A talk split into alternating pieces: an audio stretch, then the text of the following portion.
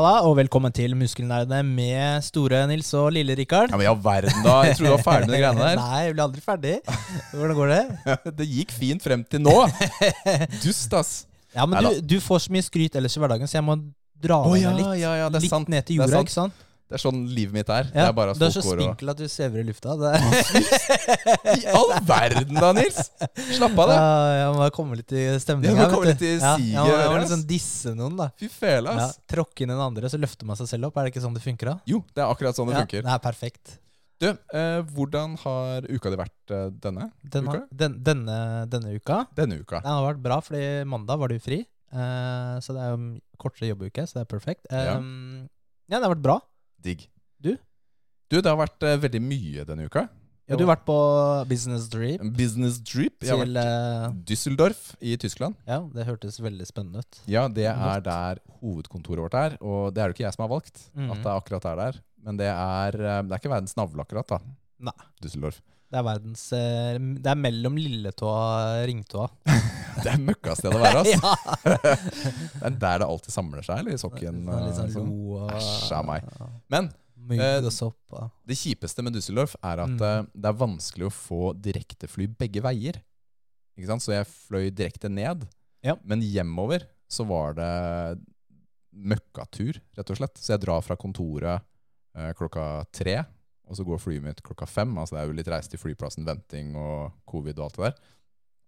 Og så fløy jeg til München, som er langt sørover, mye lenger unna, for å vente et par timer, for så å fly opp til eh, Oslo igjen.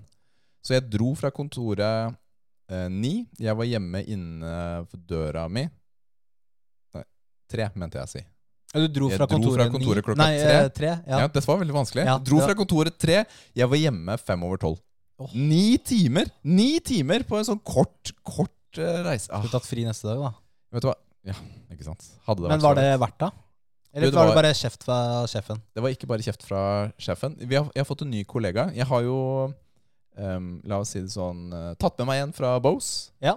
fra Bose Italia. Mm. Har uh, vært med til Ecovax uh, nå, og det er veldig hyggelig. Så jeg var der, jeg er hans eh, onboarding buddy. Altså når man er ny i selskapet. du er, du er fadderen hans? Det er riktig. Jeg er Ja. fadderen hans, Ja. rett og slett. Og det er, ja, men det er en rolle jeg tar seriøst. Det. Ja, ja. det er viktig å bli introdusert til eh, menneskene i organisasjonen og, og bli kjent på den måten. Så, så det var bra. Og så hadde jeg jo business jeg måtte gjøre. eh, Og, ta hånd om der også. Mhm. Men så Ukens uh, høydepunkt var egentlig på fredag. Ja. Fordi endelig kunne jeg dra på konsert igjen. Og da var jeg på en konsert som hadde blitt utsatt et par ganger. Death Slayer Child Infantside Brrr. Var det det, eller? det var Igor. Ja, det var ikke langt unna. Jo, takk for det. Igor. Det er et fransk band. Åh, fransk eh, Ok, synger du på fransk? Ja. Oh my goodness, da hadde jeg dødd, ass. Det er Ja. det verste. Jeg har jo ikke sagt noe om hva dette bandet gjør, sjanger, noen ting. Du bare ja, har dømt jo- det på språk og sted. Ja, språk og sted holder for meg. Altså, jeg er skikkelig fordomsfull. Altså, eh, men det er jo death metal, black metal, er det Dette ikke det? Dette er breakcore. Hva, hva? Breakcore? Aldri hørt om. Hva er det for noe? Det er kjempe, kjempespennende Det hørtes litt sånn her eh, tekno-aktig Ja, fordi det er det, er, det er det som er morsomt, fordi dette er en blanding av ordentlig metal, til tider eh, death metal. Ja. Det er blanding av elektronika, type dubstep, ja, det er kult. og opera. Og opera. Det kan være bra, men ikke 100 Så ja. det er, og alt dette er mikset sammen, og Kan du gi meg, gi meg en liten taste, da? Syng, syng litt. Syng litt. Kom igjen. Kom Kan jeg synge Ja, opera Ja, bare med dubstep og death metal? Gå og heng, da. Nei, det er ikke det, men ass. sjekke ut det etterpå. Jeg blir nysgjerrig, i hvert fall. Det, det det, det, må jeg si. Jeg blir veldig nysgjerrig. Det er kjempemorsomt. Jeg skulle forberedt et lite klipp. Ja, det skulle Eh, gjort. Ja, det skulle det. Men uansett, det som var så gøy med dette, var jo at jeg elsker å dra på konserter. Det er noe av det beste Ja, jeg vet, jeg å høre livemusikk. Dette var på Blå. Det, jeg vet ikke om du har vært på Blå før? Ikke vært der, men jeg har hørt om Det det. er det- Jeg håper å si helt i kanten på Grünerløkka-ish. Det er like ved Vulkan. Der vi har vært. eh, Vulkan? Vulkan. Jeg sier alltid vulkan. Er det feil å si vulkan? Eh, jeg tror det er feil. Jeg tror det man sier vulkan. ja, ok. Der har vært- vulkan er jo den eh, der det kommer lava ut, da. ja, for meg så er det jo samme Ja, okay, Ja, det er jo samme ord, da. Jeg Ja, vet ikke hvorfor var- det er sånn, jeg. Men det var på Blå, og Blå er en ganske liten scene. Altså konsertsted. Så det er plass til 250 stykker eller noe sånt. Og Og jeg kom jo meg litt sånn opp og frem. Først så var det en kar som gjalla. Eh, Det var veldig rart. Det var elektronika og death metal og alt på en gang der også. Han sto og skreik og ordna styra. Veldig morsomt. Men da han var ferdig, så var jeg sånn Ok, det står jo ingen helt forrest i midten. Jeg bare går helt foran i midten, jeg. Og så sto jeg praktisk talt Jeg sto forrest i midten under hele konserten. Og Mhm. den scenen er så lav at den bare gikk sånn så vidt over knærne. Litt som kunne smake som spruta i ansiktet og sånn. Altså, jeg måtte trekke meg tilbake for ikke være i skrittet til han som sto og sang. Og når, Det er når han liker kom, deg, da. ja, ja, når han kom, ikke sant, og de begynner liksom Øy, hei, du slår opp med hånda, ikke sant? Ja. Jeg kunne ikke gjøre det, for da ville jeg truffet han. Oi. Ikke sant? Altså, det var Ja. helt oppi der, da. Og det, det er litt kult, da. Ja, det var så gøy. Og det, og det var så god stemning. Og det er, eh, det er en av mine aller beste konsertopplevelser noensinne. Jeg har vært på ja, Det er ikke bare fordi du er eh, farga for du har lenge, vært lenge borte? Jo, det er godt mulig. Ja, men det er godt mulig. 100 Men likevel så sitter jeg igjen med inntrykket at dette er noe av det beste jeg har vært ja, på. ja, det er jo reelt, ja. Ja, altså Den følelsen jeg har, er jo reell. Altså Om det er den objektivt beste konserten jeg har vært på, det tør jeg ikke å svare på. Men den følelsen jeg satt igjen med, og gåsehud og Alle som var der, var i så god stemning. Fordi det som er litt sånn gøyalt med et band som det her, er at det, det er veldig nisje i Norge. Det er ikke så mange som hører på dette her. Så det betyr at har du klart å forville deg på denne konserten her, så vet du veldig godt hva du går inn på. Alle er blodfans, rett og slett. Så alle som er der, kan låtene. Alle hopper og spretter og banger, og det var, det var gøy, altså. Rett og slett. Så det var Konge. ukas eh, opplevelse. Så var jeg på fest med naboen i går. Og jeg har ikke vært på fest med, da, med noen på veldig lenge. Så, så kom jeg jo tikkende inn døra her i dag tidlig klokka halv seks. da. Så jeg har jo vært litt sånn der uh, sliten i dag. Det må jeg lov å si. Litt mm. sliten. Jeg er ikke helt vant til å være oppe så lenge, ass. Var du så lenge oppe? Jeg kom inn halv seks i dag tidlig. Ja, det er du aldri. Nei, det er jeg ikke. Det er en tolvtimersfest. Det var altfor lang fest. Det var lenge. Ja, det var lang fest, altså. Du er- du er jo gammel òg, da. Jeg veit jeg sender en klage til Kent og Pernille at det her, eh, sånne fester gidder jeg ikke å være med på lenger. Når det varer så lenge. Og så var det selvfølgelig familiefest i dag, da. Som jeg har vært på, da. Helt fram til nå. Mm. My goodness. Alt du har lyst til å Tror jeg, si. hadde, jeg tror jeg hadde droppa den, hadde jeg vært der. Men du klarer jo ikke det. Det er Du vet hvem som er i familien min, Ja. og du vet hvem jeg er gift med. Ja. Du vet at jeg ikke tør det. Bare vær si du er syk, vet du. ok, Eh, men du, Det er bare så mange ganger man kan si det. det høres ut som du har hatt en uh, fin uke. Den er nesten uh, like bra som min. Jo, takk. Men er vi alene i dag? Nei, vi er ikke alene i dag. Det er vi ikke. Velkommen! Nå kommer det gjest. Ikke hvilken som helst gjest, men en supergjest! Woohoo! Woohoo! Vel velkommen, Svein Erik. Velkommen, velkommen. Takk for det. takk for det.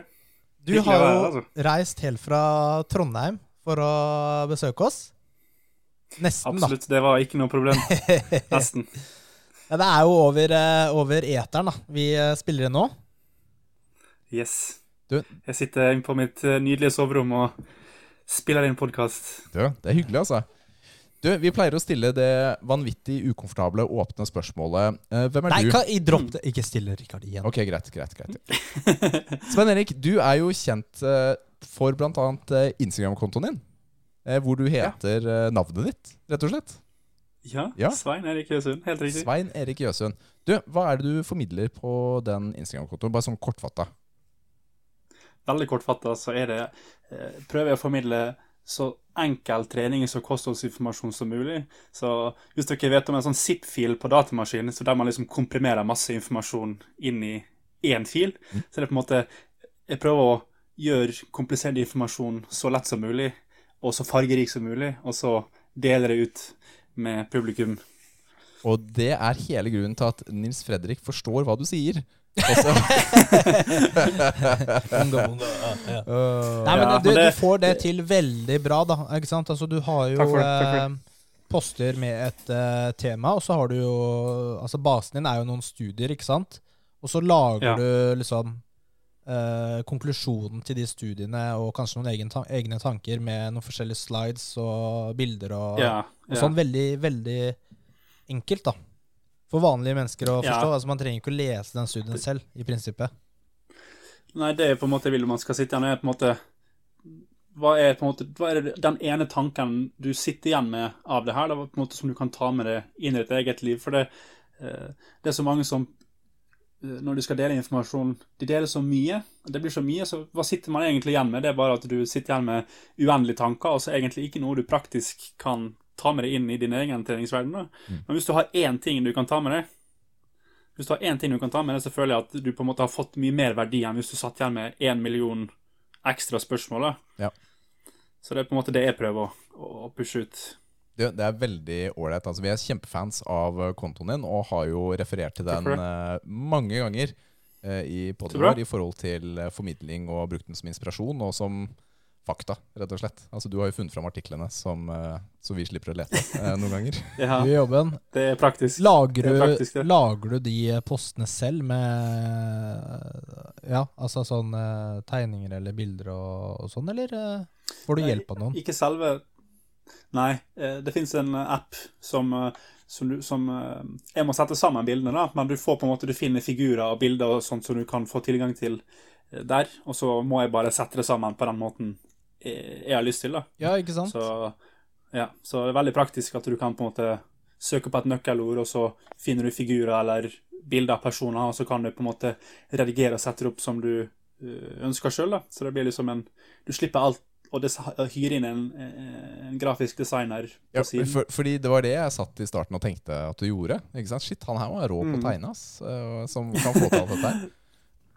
Du, så flink er jeg ikke til å tegne. Det, Ja, man vet jo aldri, da. Altså, vi vet jo ikke det, som ikke, Nei. ikke kjenner nei, nei, det Det finnes mange profiler som gjør det på den måten. Ja. Det er mange profiler som gjør det på den måten, og, og det blir ganske kult og, og på en måte egenarta. Men uh, mine strekmenn ser ikke ut som strekmenn, så jeg kan ikke, jeg kan ikke begi meg ut på slikt. Men du, du har jo litt uh, bakgrunn uh, for å kunne gjøre dette her også. Ikke sant? Fordi du har jo Ja. en utdannelse, eh, blant annet, Ja. innenfor ernæring. Kan, Mhm. ikke du, kan ikke du dele litt mer om uh, bakgrunnen din der? Eh, nei, bakgrunnen min er jo primært eh, da innen ernæring, eh, og da valgte jeg å ta en bachelor i ernæring etter jeg hadde fullført eh, PT-utdannelsen min, fordi jeg følte at de fungerte synergistisk med hverandre. da, At du får ikke så veldig mye god kunnskap om ernæring på PT-studiet, og jeg føler jo at det er en veldig viktig del av relasjonen til kundene, at du også må kunne hjelpe dem eh, på kostholdsfronten. Så jeg følte at jeg trengte en ekstra fordypning der. Mm. og da får du også noen studiepoeng i f.eks. hvordan du skal eh, lese studier, finne frem til studier, den type ting. Eh, men selve prosessen bak det var jo på en måte eh, ganske enkelt. og Det var at jeg kommer ikke til å komme så veldig langt bare eh, en, PT en kort PT-utdanning. Jeg, jeg må ha noe mer faglig tyngde bak Mm. som jeg kan bruke, både for min egen del for å lære, men også for at det må, du må jo også eh, vise at du har eh, gått gjennom den utdanningstrinna for å faktisk kunne være tillitsverdig. da. Ja. Så det er jo litt annerledes hvis du kommer liksom og så ser du at hvor, Hvem er du, hvor kommer du fra, hva har du egentlig som eh, kunnskap, hvorfor skal vi høre på det? ikke sant? Det er jo Altså, hvor lang er PT-utdannelsen? Altså Og så tok du i Norge, eller tok du i Florida eller Bali? Jeg tok eh, faktisk på Bali. Ja, du gjorde det. Utrolig deilig. Ja, ja, ja. ja. Men det, ja, for det er, jo, det er jo Jeg begrensninger på hvor mye du lærer der. Eh, jeg Jeg tror vil Ja, altså, du har helt riktig. Det Hvis ikke du er veldig interessert, så lærer du ingenting, Mm. egentlig, fordi at du er på Bali, ikke sant, så det krever at du er på en måte veldig spesielt interessert i trening og kosthold, at du har lyst til å lære. Eh, Og det var jo jeg heldigvis, da. Så eh, jeg hadde jo en veldig fin læreopplevelse Ja, på Bali. For Så det er- jeg fikk jo en fin ikke sant? For det er nok ja. hva du gjør det til selv. Altså, det er nok en fin start for mange, og så hvis du er veldig interessert, så kan du bygge videre på det. For noen er det nok Det var- en, eh, ja. nesten en ferie. Eh, Ja, det var bra sagt. Det var akkurat sånn det Akkurat sånn det Men jeg trenger å stille spørsmål. da Lærte du å surfe, eller? Eh, under PT-utdannelsen? Ja, Ja, ja. ja. ja, ja. Det ble, så det er litt kos også, ikke sant? Ja, de la opp til at man kunne ta dykkersertifikat, eh, du kunne ta, stå på surfebrett, du kunne dra på eh, utflukter osv. Så, videre, og så, videre. så de la opp til et helt løp med muligheter her, altså. Kult. Hvor, hvor lang tid Mm. er det på Bali? Nei, det var bare 14-16 uker, noe sånt. Ja, ikke Så sant? det Så tre-fire lenge, måneder. altså. Mens Ja, eh, en, ja. En eh, bachelor i ernæring er vel fort eh, tre år, i hvert fall. Er ikke det? Det er tre år. Ja. Absolutt.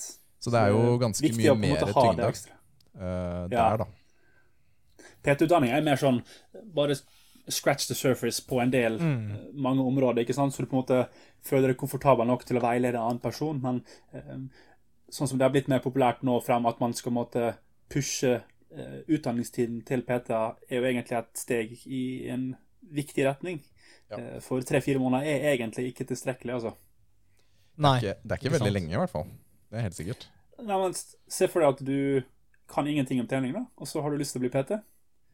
Hvor mye sitter du igjen egentlig med etter tre-fire måneder? da? Det er jo absolutt ikke Ja, det er jo et, um, et kort semester på, Ja, Men- rett og slett. Men, Det er jo Men trening og sånn, og trening og ernæring, det er, du, blir jo, du blir jo aldri ferdig utlært, vet du.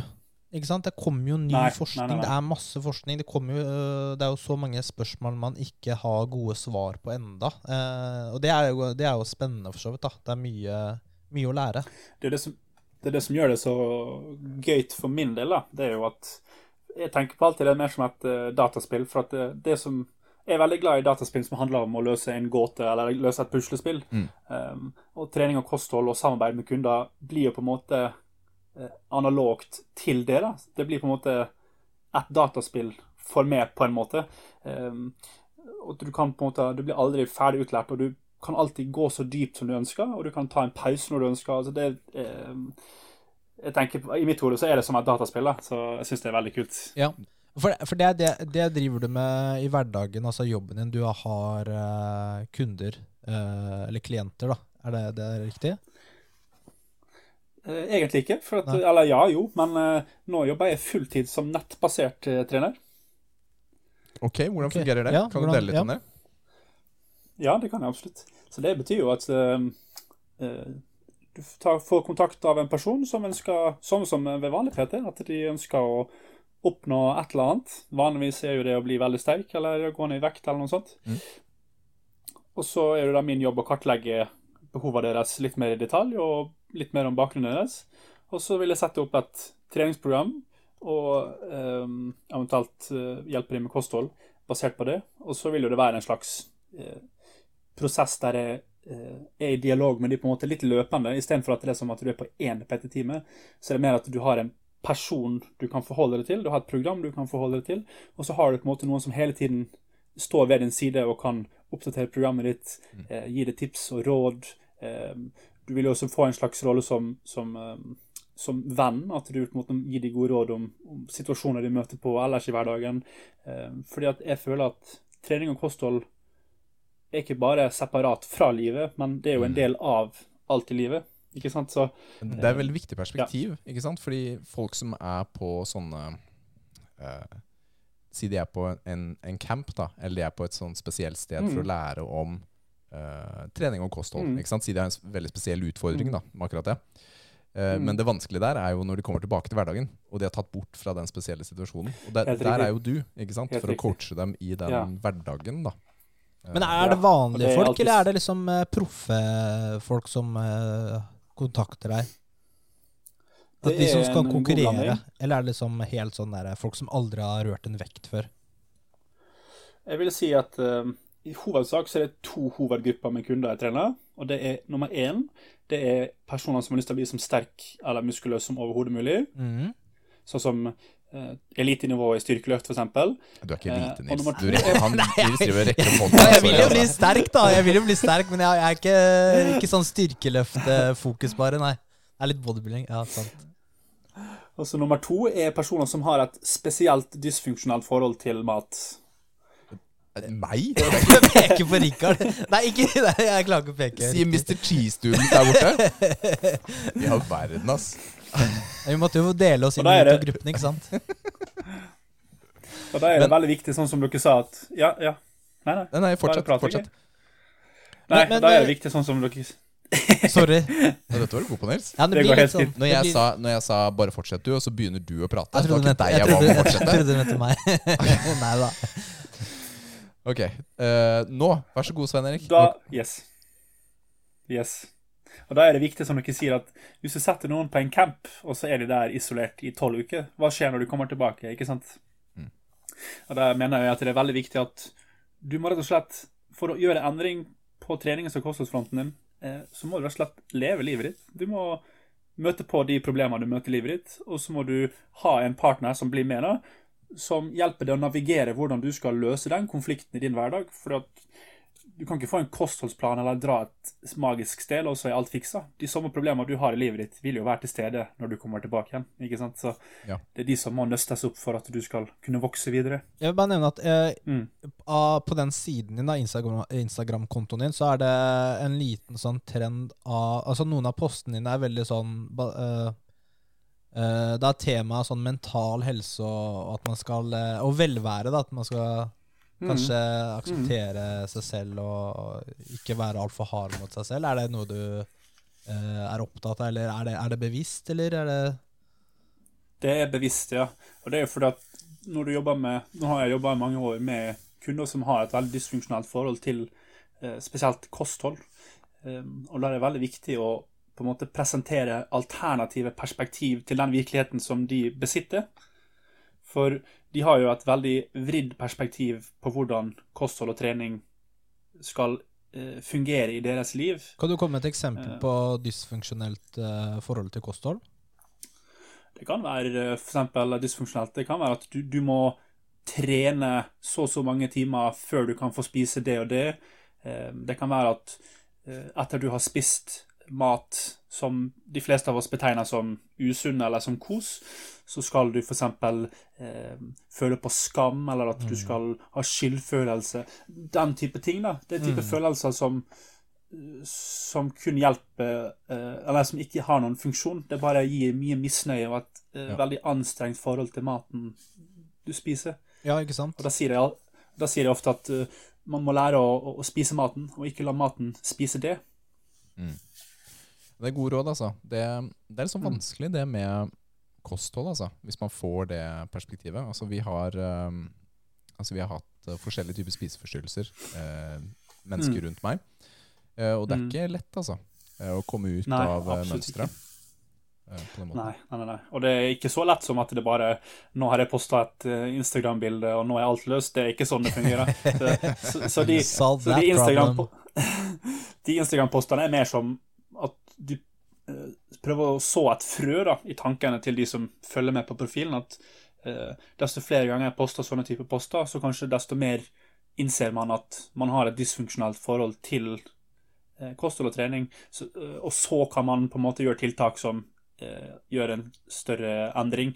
De innleggene er mer bare sånn hm, Kanskje det er noe mer til virkeligheten enn slik jeg tenker det. Mm. Eh, Og ikke noe mer enn det. altså Jeg løser ingen verdensproblemer med å sitte på Instagram, for å si det sånn. Nei da, men det er, det, er, det er veldig Det er veldig en god ting, da. Det vil jeg si en positiv, eh, positiv ting du legger til der. Eh, en annen ting, da. Altså, vi snakket om det litt før eh, innspilling, men eh, den Instagram-kontoen heter jo noe annet enn Svein Erik Jøsund før, ikke sant? Den het Styrkebror. Mm. Eh, det var jo slik det begynte. Hva var Styrkebror, og hvorfor eh, endret du, eller sluttet med det? Hvis vi kan spørre om det. Styrkebror Ja, det kan jeg absolutt. Eh, Styrkebror var et konsept som ble starta av eh, fire stykk. Det var meg, en som heter Bo, en som heter Jørgen, og en som heter Sigvard Garfors. Og da var det på en måte også sånn at vi skulle gjøre trening og kosthold enkelt formidla og på en morsom måte. Eh, Og da lagde vi på en måte korte snutter som var liksom litt morsomt, men også inneholdt faglig informasjon. Og alt det var gjort på en måte på 15, typisk 15 sekunder. da. Eh, og så vi, fikk vi god traksjon og ble ganske greit kjent i løpet av kort tid.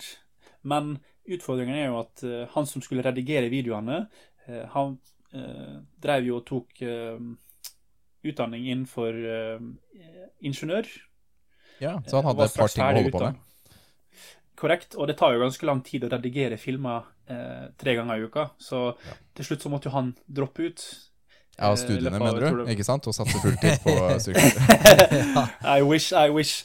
Nei, han måtte jo droppe ut av Styrkebror, og da sitter vi igjen med ikke så veldig mye, da. Mm. Uh, pluss at det var liksom eh, Det var litt vanskelig å vite hvordan vi på en måte skulle gå videre for det. på en måte Vi brukte mye tid på det, men hvordan skal vi på en måte sitte igjen med en eh, inntekt osv. Så, videre. og så det ble liksom Det var et veldig kult konsept, men det ble jo mer som en mye tidsbruk, moro, hobbyting. eh, Ja. Og det fungerte ikke for de fleste etter hvert.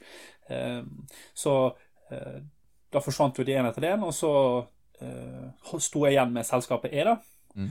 Og så eh, sto jeg lenge og tenkte på hva jeg skulle gjøre med eh, styrkebord. Og så jeg tror det gikk nesten et år før jeg på en måte bestemte meg for at OK, skal jeg bare prøve på egen hånd da, og, og gjøre noe enkelt. Og da måtte jeg på en måte bruke eh, grafisk design istedenfor videoer.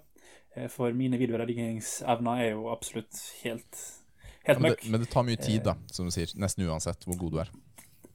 Uansett, altså bare de innleggene jeg lager på Instagram nå, kan ta fort 15-20 timer å lage. Altså. Så det kan ta lang tid. I hvert fall hvis du skal lese studiene, trekke Ja, sant. informasjon og den type ting. Mm. Um, så uh, Men det er jo gøy i seg sjøl, så det er derfor jeg gjør det. For jeg føler at det har en verdi, og jeg føler at det gir meg også noe samtidig. Så, så det er ikke noe problem for meg å bruke 20 timer på et innlegg for å få det til å se litt kult ut, og, og få det til å på en måte bli så enkelt som mulig, samtidig som at jeg på en måte ikke ofrer for mye av den faglige integriteten og den type tingene.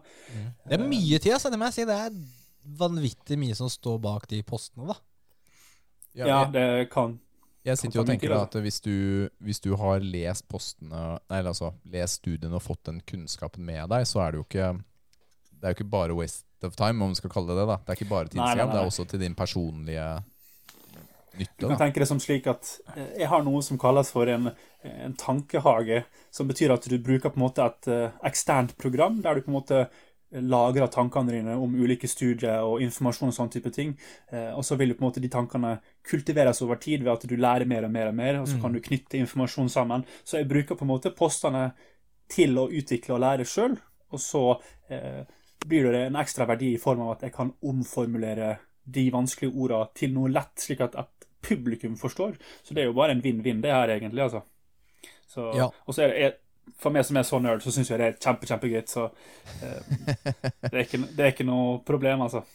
Du, Mm. Hvordan finner eh, kunder deg? Er det via, er det via nettsiden din, eller er det Instagram? Eller altså, hvordan eh, starter det? Typisk. Vanligvis er det at eh, de har hørt om meg, og så har de fulgt med en stund. Og så har de på en måte sett at f.eks. at andre kunder har gjort det bra, eller at de har blitt nysgjerrig fordi at det posta informasjon og sånn type ting. Og så klikker de på for eksempel send e-post eller et eller annet sånt på Instagram. vanligvis sånn. Det er, ikke, det er ikke så mye trafikk på nettsiden min, fordi jeg føler ikke at å poste langformat fungerer lenger. Så eh, det er ikke så mye flyt gjennom eh, nettsider, det er mye mer flyt gjennom sosiale medier, Facebook eh, og Instagram og den type ting. Eh, Så det er typisk, typisk sånn det kommer inn. da. Mm. Jeg må spørre, Har du hørt om eh, på Instagram The Muscle PhD? Dr. Jacob Ja, ja, ja. Wilson. Ja, fordi det, jeg Ja. syns dere Altså dere ligner veldig mye, altså de innleggene dere Ja. legger ut. Ja, ja. Eh, For han også legger ut en del sånne enkle grafiske Ja, om trening eller fra en studie, da. Mm. Så det Det finnes mange, Ja. mange sånne profiler. Altså det, uh, så det, det er en veldig fin måte å mm. formidle på. Så det er mange som bruker den metoden på sin særegne måte, Ja. eh, som jeg syns er kjempefint. For eh, desto enklere vi kan gjøre informasjon, desto mindre barrierer er det til å lære og gjøre ting eh, bedre. Så det er bare bra, det, altså. Du, det er helt konge. Du, Jeg tenker vi skal gå litt videre i programmet også. Og nå Let's go! Mm. skal vi teste noe greier. Mm. Er det den? Nei. Den her, da? Nei. Den? Ja. Der. Endelig. Jeg fant den. Det er det beste. Og i dag er det endelig tid for the OG, the GOAT, den gode gamle Red Bull. Original. Yes, yes, yes. Ja, den har vi ikke hatt. eh, Nei, vi har er ikke det. Jeg, har- jeg har ikke tenkt på å ha den engang. Det er egentlig det original energy drink, altså. Ja, det er virkelig det. Jeg det. overraska at, ja, at vi ikke tok den aller først. Ja, det er, hørte- er, kan du si. skrev, du skrev jo til og med at jeg skulle ta med noen sånn Monster Tropical something something. Jeg, var, på, jeg var hele Trondheim rundt og fant de greiene. Altså, så. Ja, Rikard gir jo de enkleste oppgavene, da. Er du frekk, Nils? Nei, Har du tatt med den her? Nå har vi to stykker her. Er du klar over hvor mye en sånn Red Bull koster? Eller en sånn full her? De, altså Red Bull Ja, de er skjønner at de er OG, og de kan ta en premium. Fordi en halvliter Ja. Red Bull koster 35 kroner pluss pant. Får tilbake Ja. banten Rikard. Et bra tips her. Jeg skal ta med meg den boksen. finnes jo- det. Det jo noe som kalles for Fres brustabletter som har smak av Red Bull, og de koster typ Nei, tror, tror de koster 50-60 kroner for eh, jeg tror det er 20 tabletter. Så eh, hvis man er glad i Red Bull, så kan man heller kjøpe eh, bre- fru, eh, fresetabletter. Jeg tror det er på tights.no du finner det. altså. Oi, oi, oi. Men nå får vi se da, om det, er egentlig? Om det egentlig er smaken vi har lyst på. Ja. Om det er Red Bull-smaken. Skal vi se. Ja. Du har jo også kjøpt deg Red Bull, Svein Erik. Yes. Yes, yes, yes. Preppa, det er bra. Ja. Vi, altså, det her smaker jo Det er jo energidrikksmaken. Ikke sant? Den har en sånn helt egen lukt også. Og jeg syns at, eh, Mm. jeg synes at den originale Red Bullen har en sånn liten sånn zang. Et, det er et eller annet med lukten som de andre ikke har. Eh, som de har fått til. Mm. Som eh, ja, men altså Hvis du kjøper en litt sånn rimeligere som har energidrikksmak Altså fordi dette er jo Ja, For det er flere som har den smaken, eller lignende, ja, da. Dette er jo liksom basesmaken for energidrikker. Er ikke Da- Battery litt sånn lik som den, ja? Eller? Jeg vil si battery er ganske lik. Jeg vil si battery er ganske lik, altså. Ja. Mm. Ok, Den har jo litt sånn gyllen farge, har den ikke det? Når jeg tenker på den. Jeg, jeg ser Jo. bare ned i boksen nå. Da heller ut litt i hånda di, så kan jeg, skal jeg se. Eller i munnen, så skal jeg bare Dette her er jo, dette her er jo en Kulsøra-variant. Den Han duden Jeg husker ikke hele historien bak eh, Red Bull, men han duden han var jo i Thailand, og så fant han en sånn oppskrift som han syntes var skikkelig fin. Som hadde den Ja, ja. og så tok han med seg han, Eller han kjøpte oppskriften, og så putta han på kullsyre. Og så har vi nå denne Red Bullen, da. Det her har noen gjort eh, researchen sin, ja. Men Red Bull er jo Ja. først og fremst et markedsføringsselskap, ikke et brusselskap. Eh, De, eh, de er veldig, veldig flinke til å promotere merket sitt eh, og være Mm. fremme. eh, Og på den måte skape kunder. Altså med, de har jo to egne Formel 1-lag. De har egen Formel 1-bane. De har eh, enorme satsinger på ekstremsport. Mm. Jeg hatt mm. en kollega som jobbet i Red Bull eh, tidligere. Og det er eh, fascinerende. Man kjenner jo igjen logoen veldig godt, ikke sant? med disse to oksene og den solen Mm. bak. Som eh, kjører motorradio. Jeg må nesten smake på den ennå. Ja, du har jo bare snakka, du. Nei, altså jeg har jo ikke noen kommentarer utover det der. Jeg er jo nesten klart klar til å gi en karakter, jeg. Hva, hva syns du om den her, så- Svein Erik? Først og fremst så husker jeg at de solgte den kullsyrefrie varianten i Bali, faktisk. Eh, Nei, seriøst? Ja, ja. Het den, eh, Red Bull da? Eh, Het samme logo, men den het et eller annet annet. Eh, Men ja, Red Bull for meg er på en måte Alt som kommer i hodet mitt, er Red Bull og vodka, egentlig. Altså, så det er ikke noe, det ikke noe, topp, det ikke noe toppscore for meg. For meg så eh, Ja, det er ganske sånn- mange som har eh, gjort seg ferdig på grunn av det. Ja. ja. Så det er på en måte Smaken er ikke så Den er jo veldig gjenkjennelig, men den er veldig basic. Det er ikke noe, den gir ikke meg noe ekstra. Eh, Så jeg må nesten si terningkast to. jeg, Altså. Én til ti. En må jeg holde seg innenfor. Ja, To, ok, sa han. ok. Da Ja, må men det det bli, var ternekast, Hva da må det terningkast, ja? bli OK, da Og må det bli Dungeons and cirka fire, da. Fire? Cirka, cirka fire, da. Ja, Ja. det var lavt, altså. Ja, det var ganske lavt. Jeg tror Ja, jeg ligger høyere, ja. fordi den, det er et eller annet med Man, man merker det er originalen, da. Jeg, jeg gir en eh, åtte, jeg. Oi, oi, oi. Ja, jeg, jeg kjøper ikke Red Bull eh, ofte. Men jeg kjøper, jeg kjøper gjerne den eh, uten sukker, da. Eh, men da er det sånn Nei, Den er veldig dyr, da. Men eh, innimellom gjør jeg det. Og det er jo fordi liksom Nå skal jeg, skal jeg kose meg, liksom. du, åtte, ja. Det var overraskende høyt, syns jeg. Faktisk, Ja. Eh, på Ja. den. Jeg tror ikke jeg er eh, Jeg tror ikke jeg er på syv Jeg tror ikke jeg er på åtte, men jeg er kanskje på syv, faktisk. Klassisk Rikard-karakter. Ja, verdens kreatur. Forrige uke ga jeg ni til den derre den der du ikke syntes var god. Den pineapple-driten. det, Jeg vet det. Ja, verden, ass. Um, ja, men denne her Altså, jeg vet ikke Det er jo sikkert Og i livet denne jeg har drukket mest av. Ikke sant? Det er ganske sannsynlig. Ja, du er old, vet du. Å ja. Hvor gammel er du, Nils? Jeg har sikkert drukket Monster mest, da. okay, En greit. annen generasjon. Oh, ja. Mm. Mm. Uh, jeg velger å gi den syv, jeg. Da får den eh, åtte i gjennomsnitt. Er det, det er ikke så god på matte, men Nils eh, er skikkelig god på gjennomsnitt og sånt. Men da har du i hvert fall fått litt perspektiver. Da får den karakteren eh, 428. 428? Ja, det Det er bra. Det er en veldig spesiell eh, karakter. Har du noe mer du vil dele om um, Red Bull? Erik? Nei, det har jeg, nå er jeg tom for Red Bull-fakta, altså. ja. Det er grenser for mye man kan snakke om det. Ja, men altså, ok, Vi kan gå litt inn på Formel 1. da Altså, Max Verstappen eh, er jo regjerende verdensmester. Han kjører for Red Bull-laget. Mm. Men han gjør det ikke så bra akkurat nå. Men han vant i dag. Mener jeg. Ja. Mm. Good times. Da går vi litt mer over på gaming.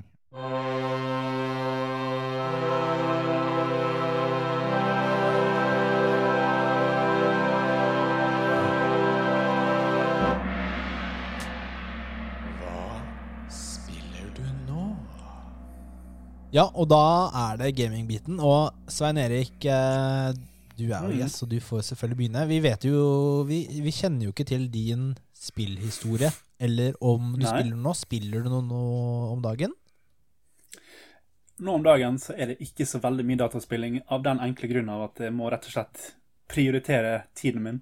Eh, Men jeg har alltid Steam åpen på PC-en, just in case. Så jeg er nok inn på Steam kanskje én gang i uka bare for å Titte? Jeg kjøper jo spill, jeg kjøper Ja. spill hele tiden, så Ja, det er bare at jeg har en drøm. Ja, Fylle opp jeg har en drøm om Ja, jeg har en drøm om å spille, men um, Men, men bare... ok, så du, du, det du kan gjøre, vet du, du bare kjøper et spill. Du åpner det, så du får liksom tid i spillet. Ja, det er jo mye vits i, da. Så du sitter liksom med 2000 timer i uh, Rust. I Rust.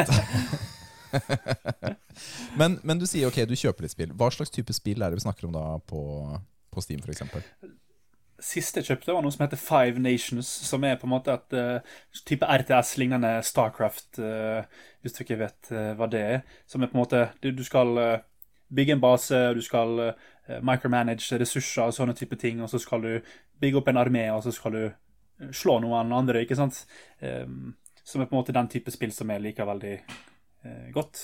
Mm. Eh, hvis du ikke er kjent med eksempel Vi kjenner veldig eh, godt til eh, Starcraft og, Ja. Command and Conquer, Red Alert og Age of Empires. Ja, det greiene der. Mm. Yes. Og det er jo på en måte i hovedsak min type spill, da. Eh, kombinert med type eh, sånn eh, tenkespill der du skal på en måte løse gåter og sånn type ting. De to typer sjangrene er på en måte mine Hva slags type. Tenkespill liker- snakker vi om da? Sånn, eh, Nei, det kan være Det kan være litt sånn Selve spilloppbygningen kan være litt ulik. Det kan være f.eks. spill som ligner veldig på Diablo 3, eh, men som på en måte har mer gåter, sånn som Shadows Awakening, hvis dere har hørt om det. Det hørtes kjent ut. Det, det står litt stille hva det er nå. Ja, det er Altså, du må nesten spille det for å, å forstå det, men uh, utrolig bra spill og veldig kul vri på den Diablo 3-type spillstilen. Mm, Ja, for jeg ser? På bildene så ser det veldig ut som Diablo 3. Ja, uh, bare at det er litt enklere, og så har det en veldig interessant spillmekanikk i måten du skal Du kan switche mellom karakterer underveis, eh, som er veldig kult for å løse ulike puslespill og sånne type ting. Da. Så eh, det syns jeg var kjempegøy å, å spille gjennom. Eh, og så kan det være litt mer sånn enkle spill som er litt mer sånn eh, Kanskje litt mer barnslig, sånn som Ori and The Will of the Wisp. Mm. Eh, Det har vi spilt. Ja, det har vi spilt. Faktisk Ja. og anmeldt. Og, ja, eh, og det var veldig, veldig bra spill, altså. Så det på en måte du fikk den følelsen av å, å bygge en relasjon til karakteren og, og oppdraget han skulle gjennom. Du kaller det tenkespill, og- men det er jo et sånt uh, Metroidvania-type spill. Altså, Du er jo inne på plattforming også. Altså, Når du Ja, sier tenkespill, så tenker jeg liksom ok, snakker vi Myst? Snakker vi sånne klassiske uh, sånne spill, da? Uh, eller Mm. sånn eh, The Room, må- eller eh, Ja. Ja, ikke sant? Jo, det kan godt være den type spill også. Altså. Så det er bare at eh, det må være Det kan ikke bare være sånn skyt, skyt, skyt, skyt, skyt, skyt, skyt hele tiden. Det må liksom være eh, et eller annet du skal løse, eller den type ting. Og det kan godt være veldig vanskelige gåter der du på en måte ikke får noe hjelp, og der du bare på en måte blir plassert i en situasjon, og så skal du finne ledespor og sånn type ting. Eller så kan det være litt mer sånn løse et eh, fantasifullt oppdrag, eller den type ting. Eh, bare det må være noe tenking. Du kan ikke bare være Det hender jo man må finne en nøkkel eller noe sånt i God of War og sånt, Nils. Ja, du må jo tenke hvor du skal gå i Call of Duty, liksom. Skal jo gå til venstre eller høyre.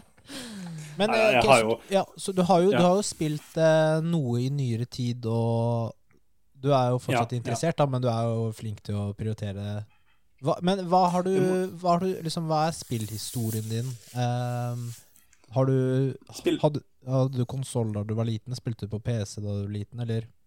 Det var ett spill jeg spilte fra jeg var eh, 8 til jeg var 23, og det var Warcraft 3, Oi, ja.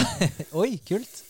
Ja. Eh, Så jeg spilte stort sett eh, kun Warcraft 3 eh, fra jeg var ung til jeg var voksen. Altså fra det kom ut. Jeg husker ikke helt når det kom ut, men eh, så snart det kom ut, så spilte jeg det stort sett hele tiden og, og var veldig opptatt av å spille eh, sånn én mot én-spill, der du på en måte skal beseire en annen person via Battlenet eller internett. da. Mm. Og det spilte jeg ja. Var det Sånn som folk var det ranks og sånt der i den? Jeg husker ikke. Ja, det var, det var ranks, men uh, jeg kom jo aldri helt opp på toppen. Men jeg syns det var veldig gøy. Jeg kom jo ganske høyt opp på sånne type ting, og ble jo ganske god, men uh, jeg fikk aldri brutt den barrieren der jeg på en måte ble Bro. nok, da. Men, uh, men ja, men jeg ble jo Jeg Så syns det var sikkert helt fordi du fantastisk. prioriterte skole og vanlig liv og sånt istedenfor å bare Etter hvert, etter hvert så gjorde jeg det, altså. Ja. Etter hvert så måtte jeg rett og slett velge det bort, men det var jo fortsatt mitt hjerte nær så lenge, altså. Jeg er sikker på at jeg kunne begynt å spille det igjen nå også, men da måtte jeg ofre kone og hund, holdt på å si. Um, det Ja, men det Men eh, for det Altså, vi tror jo at det fort kan være litt tid til spilling i et vanlig liv også. Uh, Ja. Men det er jo alt med måte, ikke sant? Vi har Mm. jo fulle liv, uh, alle sammen, ikke sant? Mm. Hvor man har eh, Man har en partner, man har, du har hunder, vi har barn, ikke sant? Eh, Man Mm. har uh, en jobb, osv., osv.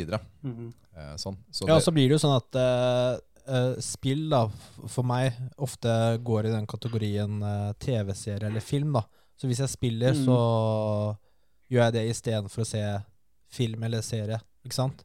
Mm, Så det, mm. det, det blir på en måte en del, en, en del av underholdningen. Ja. Mm. ja. Nei, nei, det, og det var bare ment som at uh, det må ikke være 100 for å starte på nytt igjen. Det er Nei. sånn, man kan Det må det absolutt En del spill kan man jo spille en halvtime, time om dagen og fortsatt liksom få det, det man trenger. da Altså få Ja. tatt det søtsuget, om du skal si det sånn. Og det var det jeg likte med for eksempel Ori and the Will of the Wisp, er jo at du kan spille litt, og så kan du ta en pause og sånn type ting. Ikke sant? At det Mm. fungerer bedre slik. Ja. Um, så jeg er helt enig i den tankegangen her, altså. Men, men du, du bega deg aldri ut på World of eh, Warcraft? Ikke noe mer enn å på en måte prøve what the fuss is all about. Ja. Men Siden du var så falt- interessert i Warcraft, så ville det nesten vært naturlig at eh, det Ja, men det ble også for- var interesse. jeg følte ikke at WoW ble så veldig tenkespill, i hvert fall ikke før du kom høyt opp i nivå og skulle begynne å løse dungeons og sånn type ting. Men det ble for mye repetert. Altså, bare Det er monotont. mye farming og Ja, gjøre på nytt og- og sånt. uff. Ja. Ja, og det, det falt ikke i smak eh, hos meg, dessverre. altså. Mm. Nei, for meg Nei, så er det for stor Det er eh, kanskje smart, da. tidscommitment uansett. Ja, det man, skal, Ja, det er jo helt- man kan spille fall, det er ganske fall, mye.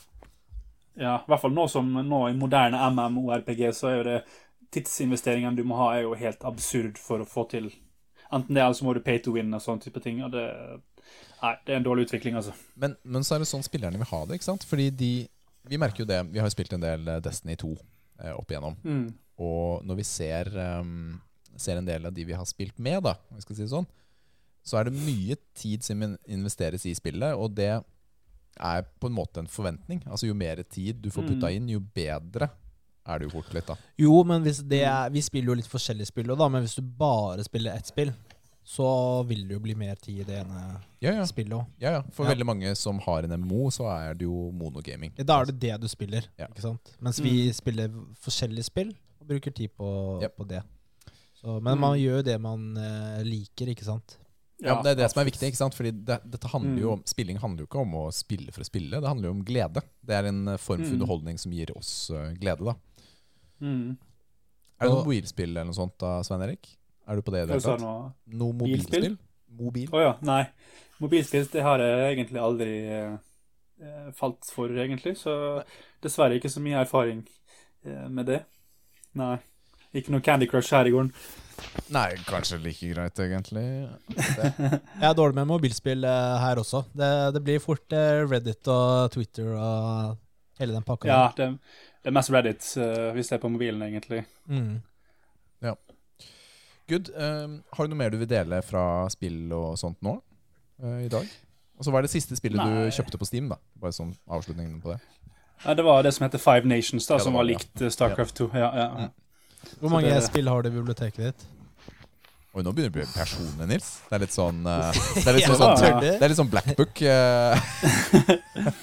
Det husker ikke i hodet mitt, altså, men det er ganske mange spill der, altså. Det Den er good. samlet opp gjennom årene. Ja, men så det, det som er tingen, er at Nils nå bygger deg opp som en, eh, en ekte gjest eh, hos uh, Muskelnerdene. Mm. Ikke sant? Og du er kvalifisert til å være her. Takk for det. Ja, du Ja. good.